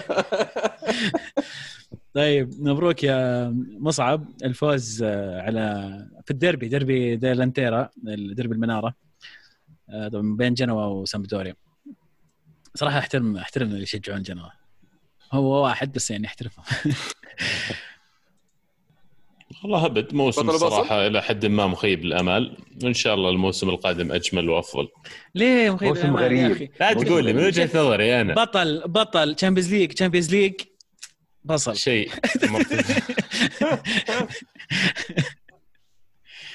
طيب أعطاني. بطل وبصل أتوقع يعني حان الوقت. شامسي تفضل ممكن تسمعنا. سبحان الله بطل وبصل بس دقيقة قلنا ما قلنا بطل وبصل والبطل وبصل حق الأسبوع.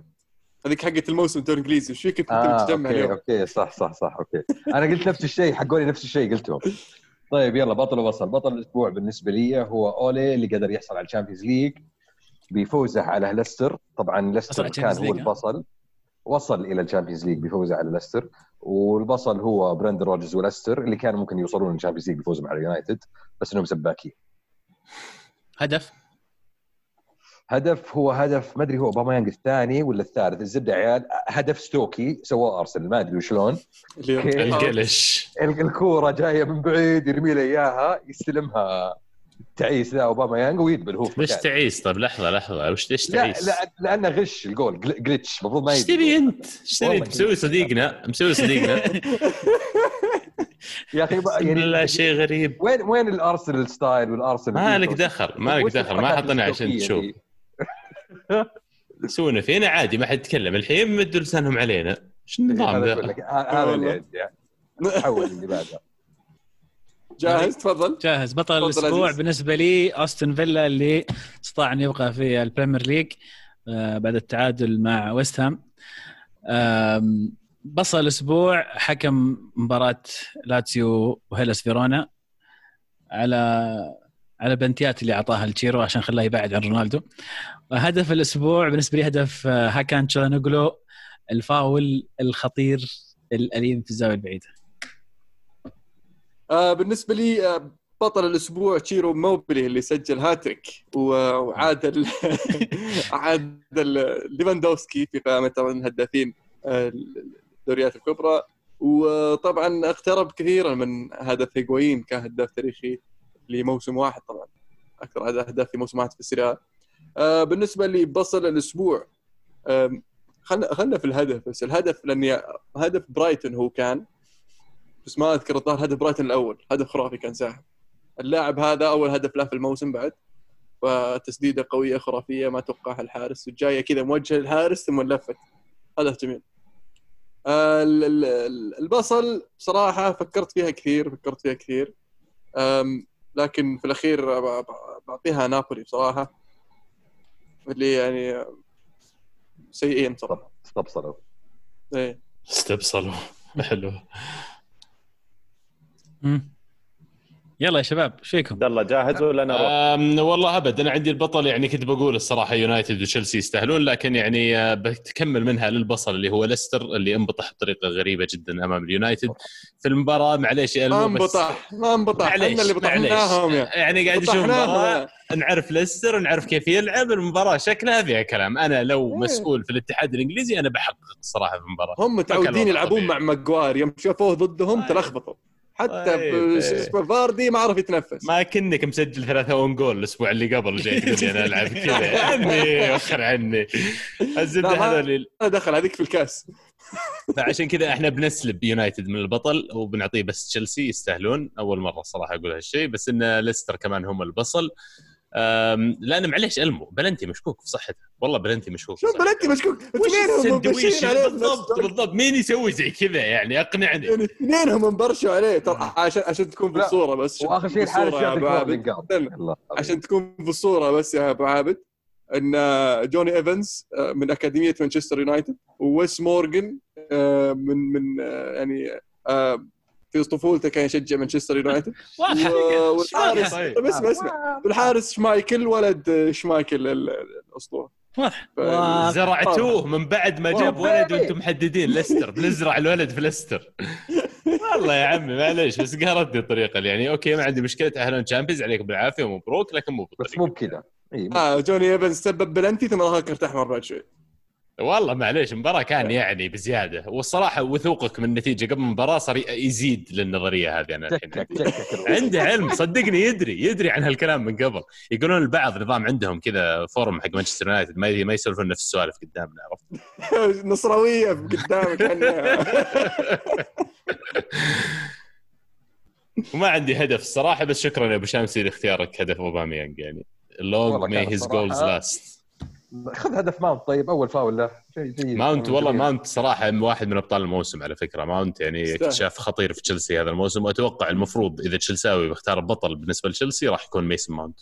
مفروض على مدى الموسم. إحنا player of the year for بالنسبة لنا هو ميسن ماونت الصراحه ما في. يعني ما في 21 هبال يعني. إي ما في أحد ثاني comes close ممكن كوفاسيتش بس يعني. كوفاسيتش أكثر واحد تطور بقول من المواسم اي انه انه كان انه كان يعني الموسم هذا مقارنة الموسم الماضي مع ساري وين فرق لا الان ترى للآن ما يسجل ولا يصنع كثير لكن لا. يعني ال contribution حقه للعب مهم جدا يعني. عنده عنده عنده dribbling ترى. و passing skills مرعبة يعني. فعلا من آه، في ال top 3 الظاهر أو ال top 5 من اللاعبين اللي في ال dribbling في البريمير ليج هذا الموسم كوفاسيتش. يستاهل top ولد 5 أتوقع اي والله يستاهل ولدكم عندكم طيب، ولد ثاني ما أدري تبيعونه ولا لا دوغلاس لويز تعطونا إياه؟ من هو حنا؟ إيه أنتم بايعينه على واحد بريمير ليج بس عندكم buy back ولا ذوليك السيتي معليش لا، لا. شكل السيتي لا لا السيتي السيتي حق إيه. قصدك حق أستون فيلا الظاهر إيه. إيه إحنا عندنا سيبايوس أنا انصدمت يوم سمعت ان ميزانية أرسنال 30 مليون صراحة ما أدري شلون. كم ناوي تاخذ من عندنا يا تعبان؟ ما عندنا أقول لك على 10 و15 أنا بس هذا اللي عندي. ان والله تصدم لا بنشوف نتفاهم بعدين ما مختلفين إن شاء الله. شاء الله إن شاء الله. طيب بالنسبة لبطل الأسبوع أنا بالنسبة لي اليوفي. آه رقم تاريخي تسع مواسم على التوالي يأخذ الدوري الإيطالي وهو في موسم يعتبر بالنسبة لمشجعينه من أسوأ آه المواسم في آخر عشر سنوات أو آخر تسع سنوات. بطل الأسبوع بالنسبة لي لاعبين سانتيتيان الفرنسي أو اللاعب بالتحديد يمكن اللي اللي كسر آه امبابي بيرين. في بيرن في نهائي اللي اللي المباراة كانت غريبة آه، يعني كلها طقاق وكانوا قاعدين ينزلون نزلات غريبة على لاعبين PSG. وصح؟ ألمو؟ ترى سانتي تيان كذا وسخين ترى. آه، يعني مو شيء عبر التاريخ يعني حتى جمهورهم وسخ زيهم. يا إيه. ساتر فالحين آه، أمبابي آه، احتمال كبير إنه ما راح يشارك على الأقل في مباراة الذهاب ضد أتلانتا. آه، فيعني جمهور أتلانتا واللي متعاطفين مع أتلانتا مبسوطين. بالنسبة لهدف الأسبوع والله يعني في أهداف كثيرة لكن يمكن أروح مع هدف كولوروف الفاول. لاعب بهذا العمر مستمر يسجل فاولات يعني تقريبا كل فاول له أعتقد إن النسبة الأكبر تكون إنه يسجل من إنه ما يسجل. فكولوروف هدف روما الأخير في المباراة اللي فازوا فيها ستة. جميل. جميل. هاشتاج الحلقة عزيز؟ هاشتاج الحلقة يحيى يقول رجعت. الكرة معنا هاشتاج الكره هاشتاج معنا الكوره معنا صح. يحيى يقول هو اللي قال هو اللي لخبطني والله. آه، يحيى يقول رجعت أسمع حلقة المتاجره بالبشر رقم 183 انت- تمسكوا يا عيال راح جاي. أوكي. كانت كانت قبل مباراة الذهاب أتلانتا وفالنسيا بالأبطال. المهم لقيت المهند منبهر من أتلانتا ويقول إنه قرأ لصحفي أتلانتي يقول إنهم راح يتخطون فالنسيا. المهند يقول المفروض نحط أتلانتا ضمن المرشحين وي- ويسأل وش رأيكم. أنا بساله بسأله وش رأيك الحين؟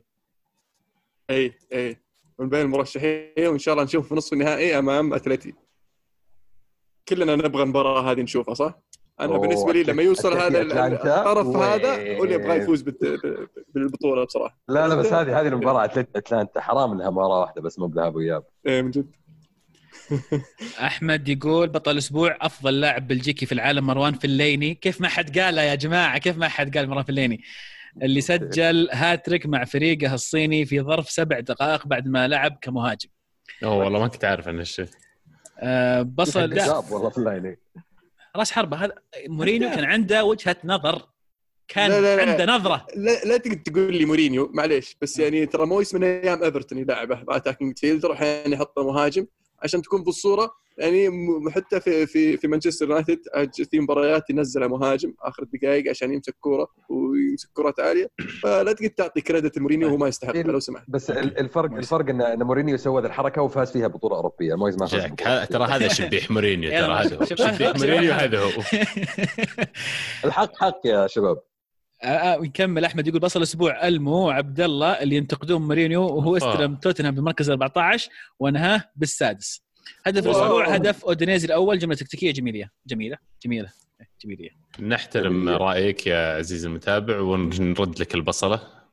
لا لا صب ترى- لا والله هو البصلة يعطيني بصلة. في البصله ترى هذا أحمد اللي طلع معنا حلقة 200 أحمد بصلة طيب. أحمد بصلة. عشان. تعرفون بس. واو سو ماتش وش قاعد يعطينا بصل؟ وين؟ حتى ما أعطاني إياها لحالي يعني ما أعطاني إياها لحالي قاسم نص بصلة حتى مو بصلة كاملة. هذه آخرتها. تبي تصير أبا. حالك يا أخي؟ مع بعض. هذا آه عبد الله متوسط لك تطلع في الحلقة 200 إيه شوف عليك نواف يقول تتفقون معي إن في أندية يوم يلعبوا بدون جمهور أفضل مثل مدريد وميلان واليونايتد أرسنال. أرسنال بكثير أفضل. أفضل. بكثير وش السبب؟ ما في ضغط. الضغط. يخافون قدام فرق, أنا أعتقد لا، أنا- يعني المفروض ما في ضغط. أنا وجهة نظري غير. أنا أعتقد بالنحس وفي ناس منحوسين وشكله شارين season tickets وكل ما حضر في الملعب هذا بتخسر. أوف wow. نسوي format الجمهور شوي. طيب. إيجابية يمكن بالنسبة. لل أنا أقول لك. بس تفرق من ناحية إنه على الأقل أنا الحين في الملعب مثلا في- زي حالة مثلا أرسنال أرتيتا ال- اللعيبة يسمعون التوجيهات اللي تطلع من المدرب عرفت؟ فالشيء هذا ممكن ما يصير إذا في عندك جمهور وخاصة ومهم لأنه مدرب جديد وقاعد عنده تكتيك جديد ووا وا وا فمن هذه الناحية أنا حسيتها ساعدت إي إي مشكوره إي اطلع يمين. بالضبط. إي. صف على جنب. أنا بالنسبة لي يمكن آه، إيجابية أكثر بالنسبة للفرق الكبيرة آه، اللي يمكن فرق تفرق معها وفرق ما تفرق معها كثير وسلبية أكثر على الفرق اللي متوسط الترتيب ويعني ومتدنية الترتيب لأنها كثير فرق تعتمد على اي كثير فرق تعتمد ملعبهم، صحيح تعتمد على أرضهم وتعتمد على جمهور ملعبهم فإنهم يعني يحمسونهم ويطلعون بنتيجة إيجابية في المباراة وهذا الشيء اللي ما صار يعني في كثير من الدوريات. أكثر متضررين الفرق كانت تلعب ضد ريال مدريد افتقدوا الجمهور مدريد اللي يصفر على مدريد. حلو حلو صح. والله جد. لك عزيز عشانك فايز الدوري طيب آه فوبي يقول رسميا هبوط نورتش بورموث واتفورد في لاعبين مميزين في الفرق هذه تحمس الما يلا والله كانت والله كانتويل كانتويل أكي جمال لويس إيرنز بروكس جوشوا كينج وغيرهم مين يشيل؟ بوينديا اميليو بوينديا حق حق نورويتش. ويليامز سهر مو ويليامز sorry ويلسون طيب. إيه. والله أشيل أنا. أشيل جوشوا كينج إذا بيطلعوا المهاجمين وبشيل بعد آه، كانتويل في الوسط واشوف لي قلب دفاع عاد من اللي يبون يجون أكي. أكي أنا أشيل ممكن أنا أشيل. ظاهر كله. يشيل لا لا أكي أحس- بالنسبة لي يسد لي الفرغه اللي هي ظه- ظهير يسار كان عندكم. مشيتوه سد- بس الفرقة اللي عندي أنا مختلفة بس إنه يعني أكي غالي شوي على الف- على الفرقة وفراغ. اللي عندي نعم بس أتوقع أكي سجلها معلش. أنا آسف سجلها هذه الكلمة اسلم وشامسي كم فرقه عندكم في تشيلسي الحين؟ هي هو هذا هذا هذا نبغاه أكي واحد. لا لا اسم الحلقة زمن من الزمانات أتوقع يا المنتهى تحفتنا في بداية الحلقة بعد تراك. مسجلين كل شيء مسجل كل شيء مكتوب. طيب. آه سؤال لجانب مدريد من ام زي دي اس يقول وش الخطة المناسبة لمانشستر السيتي بدوري الأبطال؟ والثاني بالنسبة للموسم القادم هل يحتاج زيدان لتدعيم صفوف الملكي بلاعبين جدد؟ أحسن خطة تفوز 3-0 شوف هذه خطة solid وتأهلك للدور اللي بعده. إن شاء الله أمورك تمام يعني. حتى 2-0 تاهل لا راضي بس يعني 3-0 كخطة أفضل. هو سأل وش أفضل خطة يعني؟ صح. 3-0 حلو. حلو. شكرا عبد الله. شكرا عبد الله. مشاركة مفيدة جدا عبد الله. وينهم عني من زمان.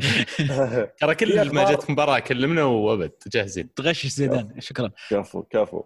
في أخبار عن إن الإياب ممكن ما ينلعب في أرض السيتي. ما أعرف إذا في أشياء جديد يعني شيء جديد طرى على هذا الموضوع إنه ال- ال- الحكومة لا لا بيلعبون في مانشستر بيلعب- بيلعبون في خلاص تأكد. تأكد رسمي. اسمحوا لهم. okay. يعني هذا كان شوية خربت الخطة. خربت الخطة. لا أنا أتوقع إن الخطة المناسبة يعني آه اللي هي آه، تقريبا 4 4 2 آه بنزيما مع واحد من الخيارات اللي ممكن آه بين هازارد. أو هازارد على الأغلب. يعني بس يمكن اي هازارد على الأغلب. وفي خط الوسط راح يكون كاسيميرو مودريتش كروس وفالفيردي. آه بالدفاع آه كارفخال راموس فران مندي وكورتوا. يعني هذه هذه الأقرب ولكن ما أستبعد إن زيدان يعني يلعب 4 5 1 التشكيلة اللي لعب فيها آه، كاس السوبر اللي كان في السعودية اللي هي بإضافة إسكو بدل هازارد في خط الوسط ويخليه يميل شوي الجناح اليسار وفالفيردي يميل شوي لل- لل- للجناح اليمين. لأن الله أكبر يا ملعب السيتي يعني اوه يا مقبرة الخصوم. ترى ترى يعني حتى وروح الجمهور ترى يعني ما يمتلي الملعب يعني فاضي. نفسيا يا رجال ما تغير شيء عليهم يعني. إيش منهم؟ يا رجال الحين جايبين لك ناس بالجمهور حاطين بالشاشات عايدينهم ثلاثة أربعة كذا معيودين نفس الجيل.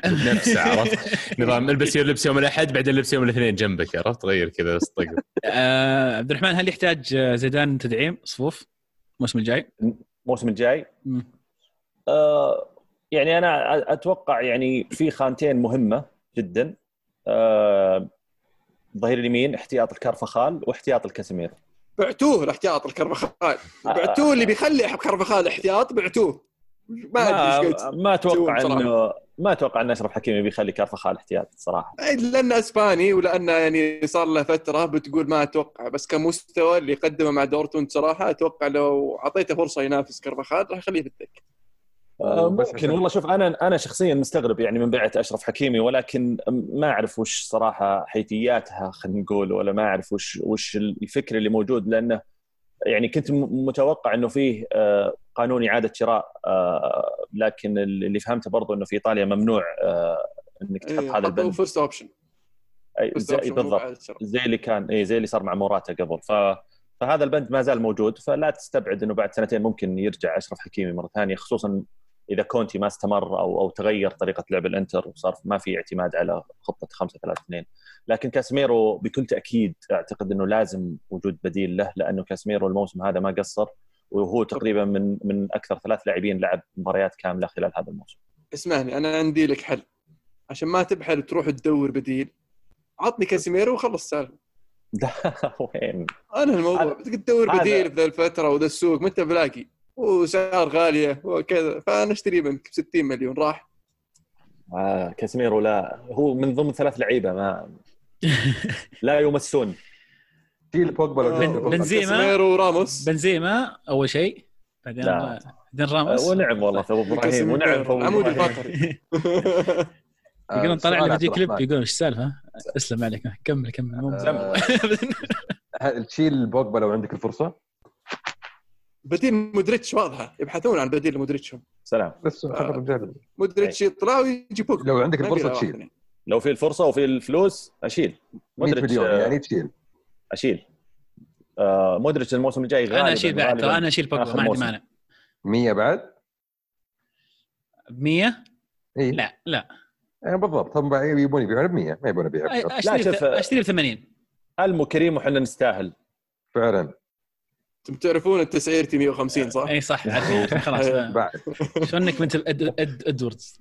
آه، إد وودوردز. آه طراد يقول انتهى الدوري الإنجليزي وكمشجع تشيلسي سعيد بوصول الفريق لدوري الأبطال رغم الظروف القاسية. اختياراتي لبطل وبصل لموسم تشيلسي بطل الموسم بوليسيك وجيرو خصوصا بعد التوقف بصل الموسم نص بصل الكيبا ونص للدفاع. هدف الموسم هدف توموري ضد الولفز في الدور الأول. هدف يعني. اختيار اختيار الهدف صراحة ممتاز. أنا أعطي البصلة كاملة لكيبا. ويعني أشوف إن بوليسيتش وجيرود بعد التوقف كانوا ممتازين بس مثلا بوليسيتش انصاب في نص الموسم فما كان عرفت كامل وجيرو ما لعب نص الموسم كان إبراهام. بس آه مبروك عليك يا طراد هذا أهم شيء. وشامسي انت الممتاز تركي يقول السلام عليكم ربي يسعد أوقاتكم يا غالين ألف مبروك الدوري عزيز مع إنه كان بدون مستوى مقنع والمنافسين يحققونها من قبل فترة توقف مبروك لالمو تاهل للابطال وعساكم ما تطيحون بقرعة فيها البايرن ولا الريال وارفع أنا أبغى برشلونة جيب لي. برشلونة أبغى وارفع- أبغى مجموعة نارية أبغى برشلونة مع مين؟ مع مين مين ممكن الله دائما يا أخي؟ الفرق هذه الصغيرة اللي جت ال Champions League تتحمس تلعب مع فرق كبيرة نبغى النهاية تحنا آه. وأرفع قبعتي لامبرد على كل ما يقدمه مع إني مو تشيلساوي أرفع القبه عليك يا صديقي بعد ما عندي قبعة للأسف. قال ما لامبرد ما قال تفضل. طيب يحيى يقول لما نجي نقيم لاعب ونحدد أفضليته سواء في بطولة أو موسم أو غيرها هل نشوف تأثيره الإيجابي على المجموعة داخل وخارج غرفة الملابس أو نقيم مستواه الفردي في الملعب وإمكانيته وأرقامه؟ هندرسون مثال. لما تقول بسبب قياديته طيب هذا تصنيف جديد للجائزة.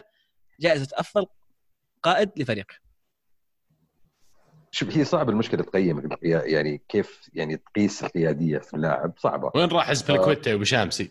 إيه لا أنا أقول لك صعب تقيسها كيف تقيسها عرفت؟ الكلام هذا غريب. بس آه بس يعني أنا أشوف المعايير تختلف حسب الوضع وحسب اللاعب وحسب السنة وحسب عرفت؟ يعني لو ليفربول ما فاز السنة دي مو معطين هندرسون أكيد. طيب ككابتن ككابتن كمهاره كابتن يمين أفضل اسبلكويتا ولا هندرسون يا أبو شامسي؟ وبكل أمانة يعني قل رأيك. يعني ما أدري هندرسون كم صار له كابتن ليفربول؟ ما أعرف بس هذا. تقيس؟ من اعتزل من اي اعتزل إيه، هذا السؤال هذا. السؤال هو من طلع جرب كيف تقاس هذه أصلا؟ فأنت بتختار قائد كابتن لفريقك أبو شامسي مين تختار؟ صدق ولا واحد من جد إذا الخيار بين الاثنين دول ولا واحد لا لا من جد ولا واحد فقاش أبو شامسي عطني عطني تيري كابتن يا رجل عطني واحد زي جيرارد كابتن عطني واحد يتكلم في الملعب صوته مسموع آه، عرفت روي كين حبيبي روي كين إيه، بنسن كومباني بنسن أسبلك كومباني لما بس. لما يصير عندك لاعب قائد ما يلعب والفريق يفوز ثم يطلع من الفريق والفريق يخسر تعرف قديش هذا اللاعب كان وحش؟ صح. هذا قائد. يطق غرفة ملابس شكله ذا يا أبوي؟ لا بس يتكلم يقولون يقولون إنه يحب يحب يخاطب عرفته الخطابه فينبسط إذا جت الفرصة إنه يتكلم قدام الفريق. انت أنتم عبد الله الحين أوباما يعني الكابتن صح؟ أوباما يانج الكابتن صح طيب كيف تشوفه ككابتن يعني؟ والله أشوف إنه كابتن. يعني غريب شوي الصراحة تصرفاته يعني أقدر الصفات القيادية إنه لما جاي يطلع المرة الماضية مثلا عطى الكابتنية كذا شالها وراح اعطاها لشاكا ما أدري إذا هو توجيه مدرب ما أدري وش السالفة بس حسيت إنه منه هو. فهذه حركة من الكابتن إنه يعني اسمعوا هذا اللاعب اللي قبل تهاوشتوا معي الجمهور ترى الحين بنعطيه كابتن مرة ثانية ترى تمام معنا كلنا. فخلاص سامحوه يعني. فبالنسبة لي هذه حركة كابتن. لكن إحنا عندنا يعني غير الأندية الثانية عندنا لعنة الكابتنية كل ما أحد لبس الكابتنية بعد سنة أو سنتين يطلع من الفريق. انت أي لاعب كل لعيب عندك يطلع من الفريق. ارجعوا لهم. كلهم.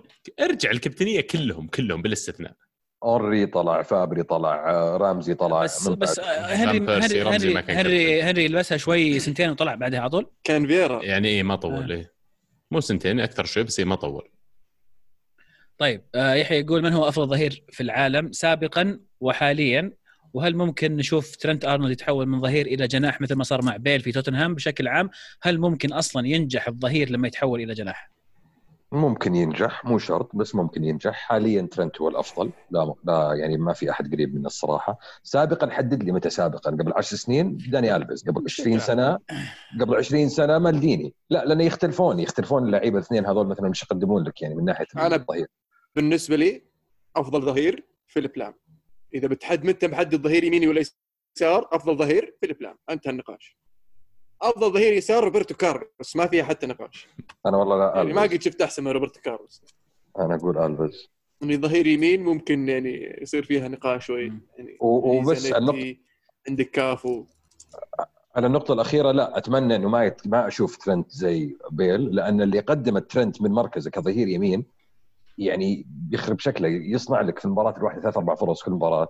ومن أكثر ال creators creative creators في ليفربول. فلا بالعكس أنا أبغاه في الخانة هذه. لأن لو حطيته قدام ما حستفيد منه بنفس الطريقة.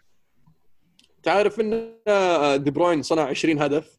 20 صنع 20 هدف وعاد الرقم آه، القياسي حق تييري هنري وبعد على طول ترنت 13 هدف. لا تقارن مع انري لو سمحت. لو سمحت. ما اقارنه بس أنا هو عادل الرقم. بس أنا الفكرة إن عندك ظهير قاعد يصنع لك 13 هدف في الموسم هذا بس في الدوري. ف هذا هو ظهير. إي فيعني ممكن تستفيد منه إذا قدمته بس ليش تقدمه وأنت already عندك صلاح؟ قال. هو صلاح يلعبوه في نفس الجهة. ممكن نشوفه في 3 5 2 لو لاعب ليفربول اليوم بالتشكيله هذه. ممكن نشوفه كجناح. بس يعني برضو تتكلم عن يعني fundamental change في التشكيلة حقت كلوب. اي اي أقول لاني إذا كان في 3 5 2 في مستقبل ليفربول ممكن يكون في في, في ممكن. الجناح. ممكن. عبد الله يقول مبروك الدوري. عزيز السؤال هل في حال خروج برشلونة من الأبطال مبكرا؟ احتمال كبير تحدث ثورة في النادي توقعاتكم. هل ممكن فعلا المان يو يتعاقد مع أنسو فاتي؟ شكرا يا عبد الله الله يبارك فيك. أنا أحس الثورة بدأت من الحين. already صاير في ضجة في النادي على الأفلام اللي قاعد تصير. ومن الحين واضح يعني مسألة إنهم صار في تقديم من من ناحية الانتخابات الرئاسية في النادي دليل على انه ما في رضا عن مستوى الإدارة ولازم شيء يتغير في الصيف هذا قبل الصيف الجاي. أه، قبل ما نكمل الجواب أيضا يضيف يقول توقعاتكم لمستقبل كوتينيو بحكم إن البرشا متورط فيه يبي يبيع بس ما حد يشتري. عن نفسي أتمنى يستمر موسم على الأقل مع البرشا. لا لا بي بي بينزلون سعره بيخسفون بسعره عشان يطلع. أنا لازم يطلع إذا يبغون يدعموه في الفريق بس مين يشيل؟ هذا السؤال مين يشيل كوتينيو؟ مين يحتاج كوتينيو الحين؟ في في؟ في في آه، في توتنهام أندية يحتاجون كوتينيو إيه، يعني عندنا طلع 30 إريكسون مليون ابو شامسي وبنجيب قلب دفاع ونبي نجيب كوتينيو يعني ما أدري عاد إذا تكفي نشوف إحنا كذا بتبدأ المفاوضات معهم اعطوهم أعطوهم لويز وخذوا 30 وخذوا كوتينيو. لا نعطيهم ال 30 يعطونا كوتينيو وقلب دفاع من اللي عندهم تديبو وما تديبو ولا ذول يعطونا يعني هنيك على طول. طيب اعطوهم أوزيل. ما في مشكلة حاضرين. خذوا كوتينيو حاضرين. أوف والله هذا لو تمشي يجي. يطلعون سبايك برشلونة بصراحة. إي okay صح بس إنه يجي يعني nonetheless. ويجي الأرسنال بس برشلونة أكيد. لا ما يجي. أكيد. لكن فعلا هل ممكن يكون في ثورة؟ يعني سؤال جيد و- والإشاعات حقت بيلسا لبرشلونة تثير الموضوع هذا صراحة. إذا كانت يعني أتخيل أتخيل إن هذا راح يكون حدث أسطوري لأن كل أحد يبغى يشوفه يبغى يشوف هالمدرب اللي كل أحد يتكلم عنه بيلسا. أنا احسها و- اشاعات وكيف ممكن لسه ما راح يقدم يطلع من ليدز. وكيف إيه، ممكن يقدم مع. فريق على مستوى كبير زي برشلونة عليه الأضواء مسلطة دائما ولو متوقع- طلع من ليدز راح برشلونة. متوقع منه الكثير. فلو صار أتمنى تصير صراحة أنا أتمنى تصير لأن راح تكون مو بالصيف الجاي. متعة للجميع إنه يشوف فعلا بيلسا على أعلى مستوى مع فريق من أعلى المستويات. لكن مع الإدارة الخايسة حقت برشلونة إيه، دي راح بالضبط. لكن- لكن ما راح ترى يصير. بيلسا مرة ترى يعني داري. عرفت يعني نفسية عرفت؟ عارف، فما- عارف. ما يا عمي درب لاتسيو يومين. عارف والله اي داري. بالضبط. اي بالضبط. فاذا إذا الإدارة ما بصاحية بيكرشهم بيسحب عليهم يقول خلاص يلا السلام عليكم. وبعد الإدارة مش صاحيه بعد هو بالنسبة للثوره اللي يتكلم عنها ما راح تصير في برشلونة إلا لما يجي اليوم اللي ميسي يقول أنا بمشي يلا مع السلامة. فكل إدارة تجي تشوف إنها تسوي المستحيل لو ميسي يبغى عود جابوه عشان ما يوصلون للمرحلة هذه. أنا ما أعتقد إن بيلسا هو بيكون الرجل المناسب لنادي زي برشلونة لأنه يعني زهق ترى زهق مرة يدربك واحد زي كذا يعني. لكن فرق الصغيره عادة بالباو وأنت ماشي. ما عندهم مشكلة في هالزهق لأنه في الأخير بيجيبون شيء أعلى بكثير من ال- القدرات العادية اللي بيحققونها مع مدرب ثاني. فأنا أشوف بيلسا بشكل عام صعب العمل معه ولا أعتقد إنه سهل واحد زي ميسي ولا نجوم زي اللي في برشلونة يقدرون يش- يشتغلون معه. أنا ما حبيت كلمة فرق الصغيرة زي بلباو أنا داري والله اني داري بكل إيه. بعدين الفرق اللي دربها بيلسا آه، قد لا تكون من ال- ال- ال class اي بس إنها فرق كبيرة. يعني آه، تتكلم عن بلباو تتكلم عن آه، آه، مارسيليا تتكلم عن ليدز. صح إن ليدز فريق سلابه يعني بس يظل من أحد الفرق الكبار الفرق في في إنجلترا. آه، وتتكلم عن مارسيليا الفريق الوحيد اللي حقق ال Champions League. بي إس جي دفع المليارات عشان يوصل النهائي ما قدر يوصل نصف النهائي.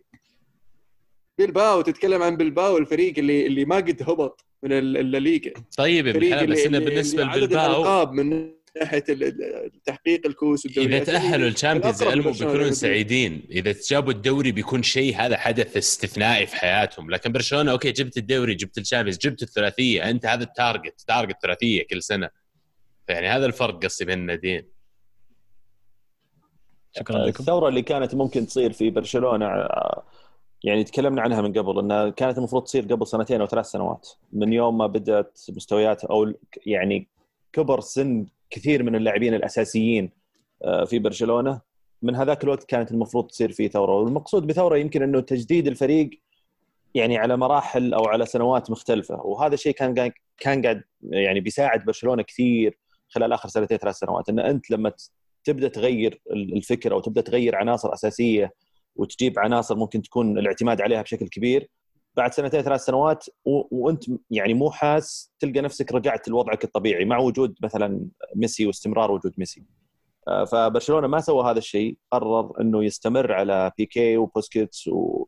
وألابا. وراكيتيتش وكثير من اللاعبين اللي الآن بعد مرور يعني فترة معينة من المنافسة وبعد تغير آه، المدرب بدأت تبان آه، إنه لا الفريق ما في دكة. آه، اللاعبين بدأوا يكبرون في السن. آه، الدفاع سيء. كل هذه الأمور كانت ممكن تنحل لو لو الفريق فعليا جدد قبل سنتين أو ثلاث سنوات. كلامك عن العقل واللي يدل على سباكة الإدارة أنهم يبيع لك لاعب عمره 23 سنة ويروح يجيب لك لاعب عمره 30 سنة. فيعني وين وش التجديد اللي تتكلم عنه أنت يا بارتوميو طيب يعطيكم العافية. شكرا لكل من شاركنا على هاشتاج شاركونا أيضا الأسبوع القادم على هاشتاج الكورة underscore معنا وكل عام وأنتم بخير. مقدما مبارك عليكم عيد الأضحى. إن شاء الله نلتقي معكم الأسبوع القادم. ولا؟ ولا الشباب معيدين؟ مسافرين؟ والله يعني قربت المواجع. يمدحون يمدحون املج يا عزيز. والله يمدحونها صدق. والله يقولون مرة جميلة مرة جميلة. أنا أخوي اللي السعودية. يوصل منها. فناخذ منها العلوم. ما شاء الله. نحجز؟ مشينا والله. ليش نحجز؟ خط مسجل من هناك ترى. نحجز إحنا الفندق طيب. ما في ما فندق في فندق يا حبيبي. مخيم اكشف مخيم. إيه. اي خذ عفشك معك طلع. أوكي أوكي. والله أطيب له سهلات،. سهلات. بس حر. عشان احذركم ترى حر. يعني. خلص الهاشتاج؟ خلص الهاشتاج. حلو. يعطيكم العافية يا شباب. حلقة جميلة ممتعة. من زمان ما سجلنا خمس أشخاص. آه وكذا وصلنا لنهاية الحلقة. إن شاء الله تكونوا استمتعتوا معنا.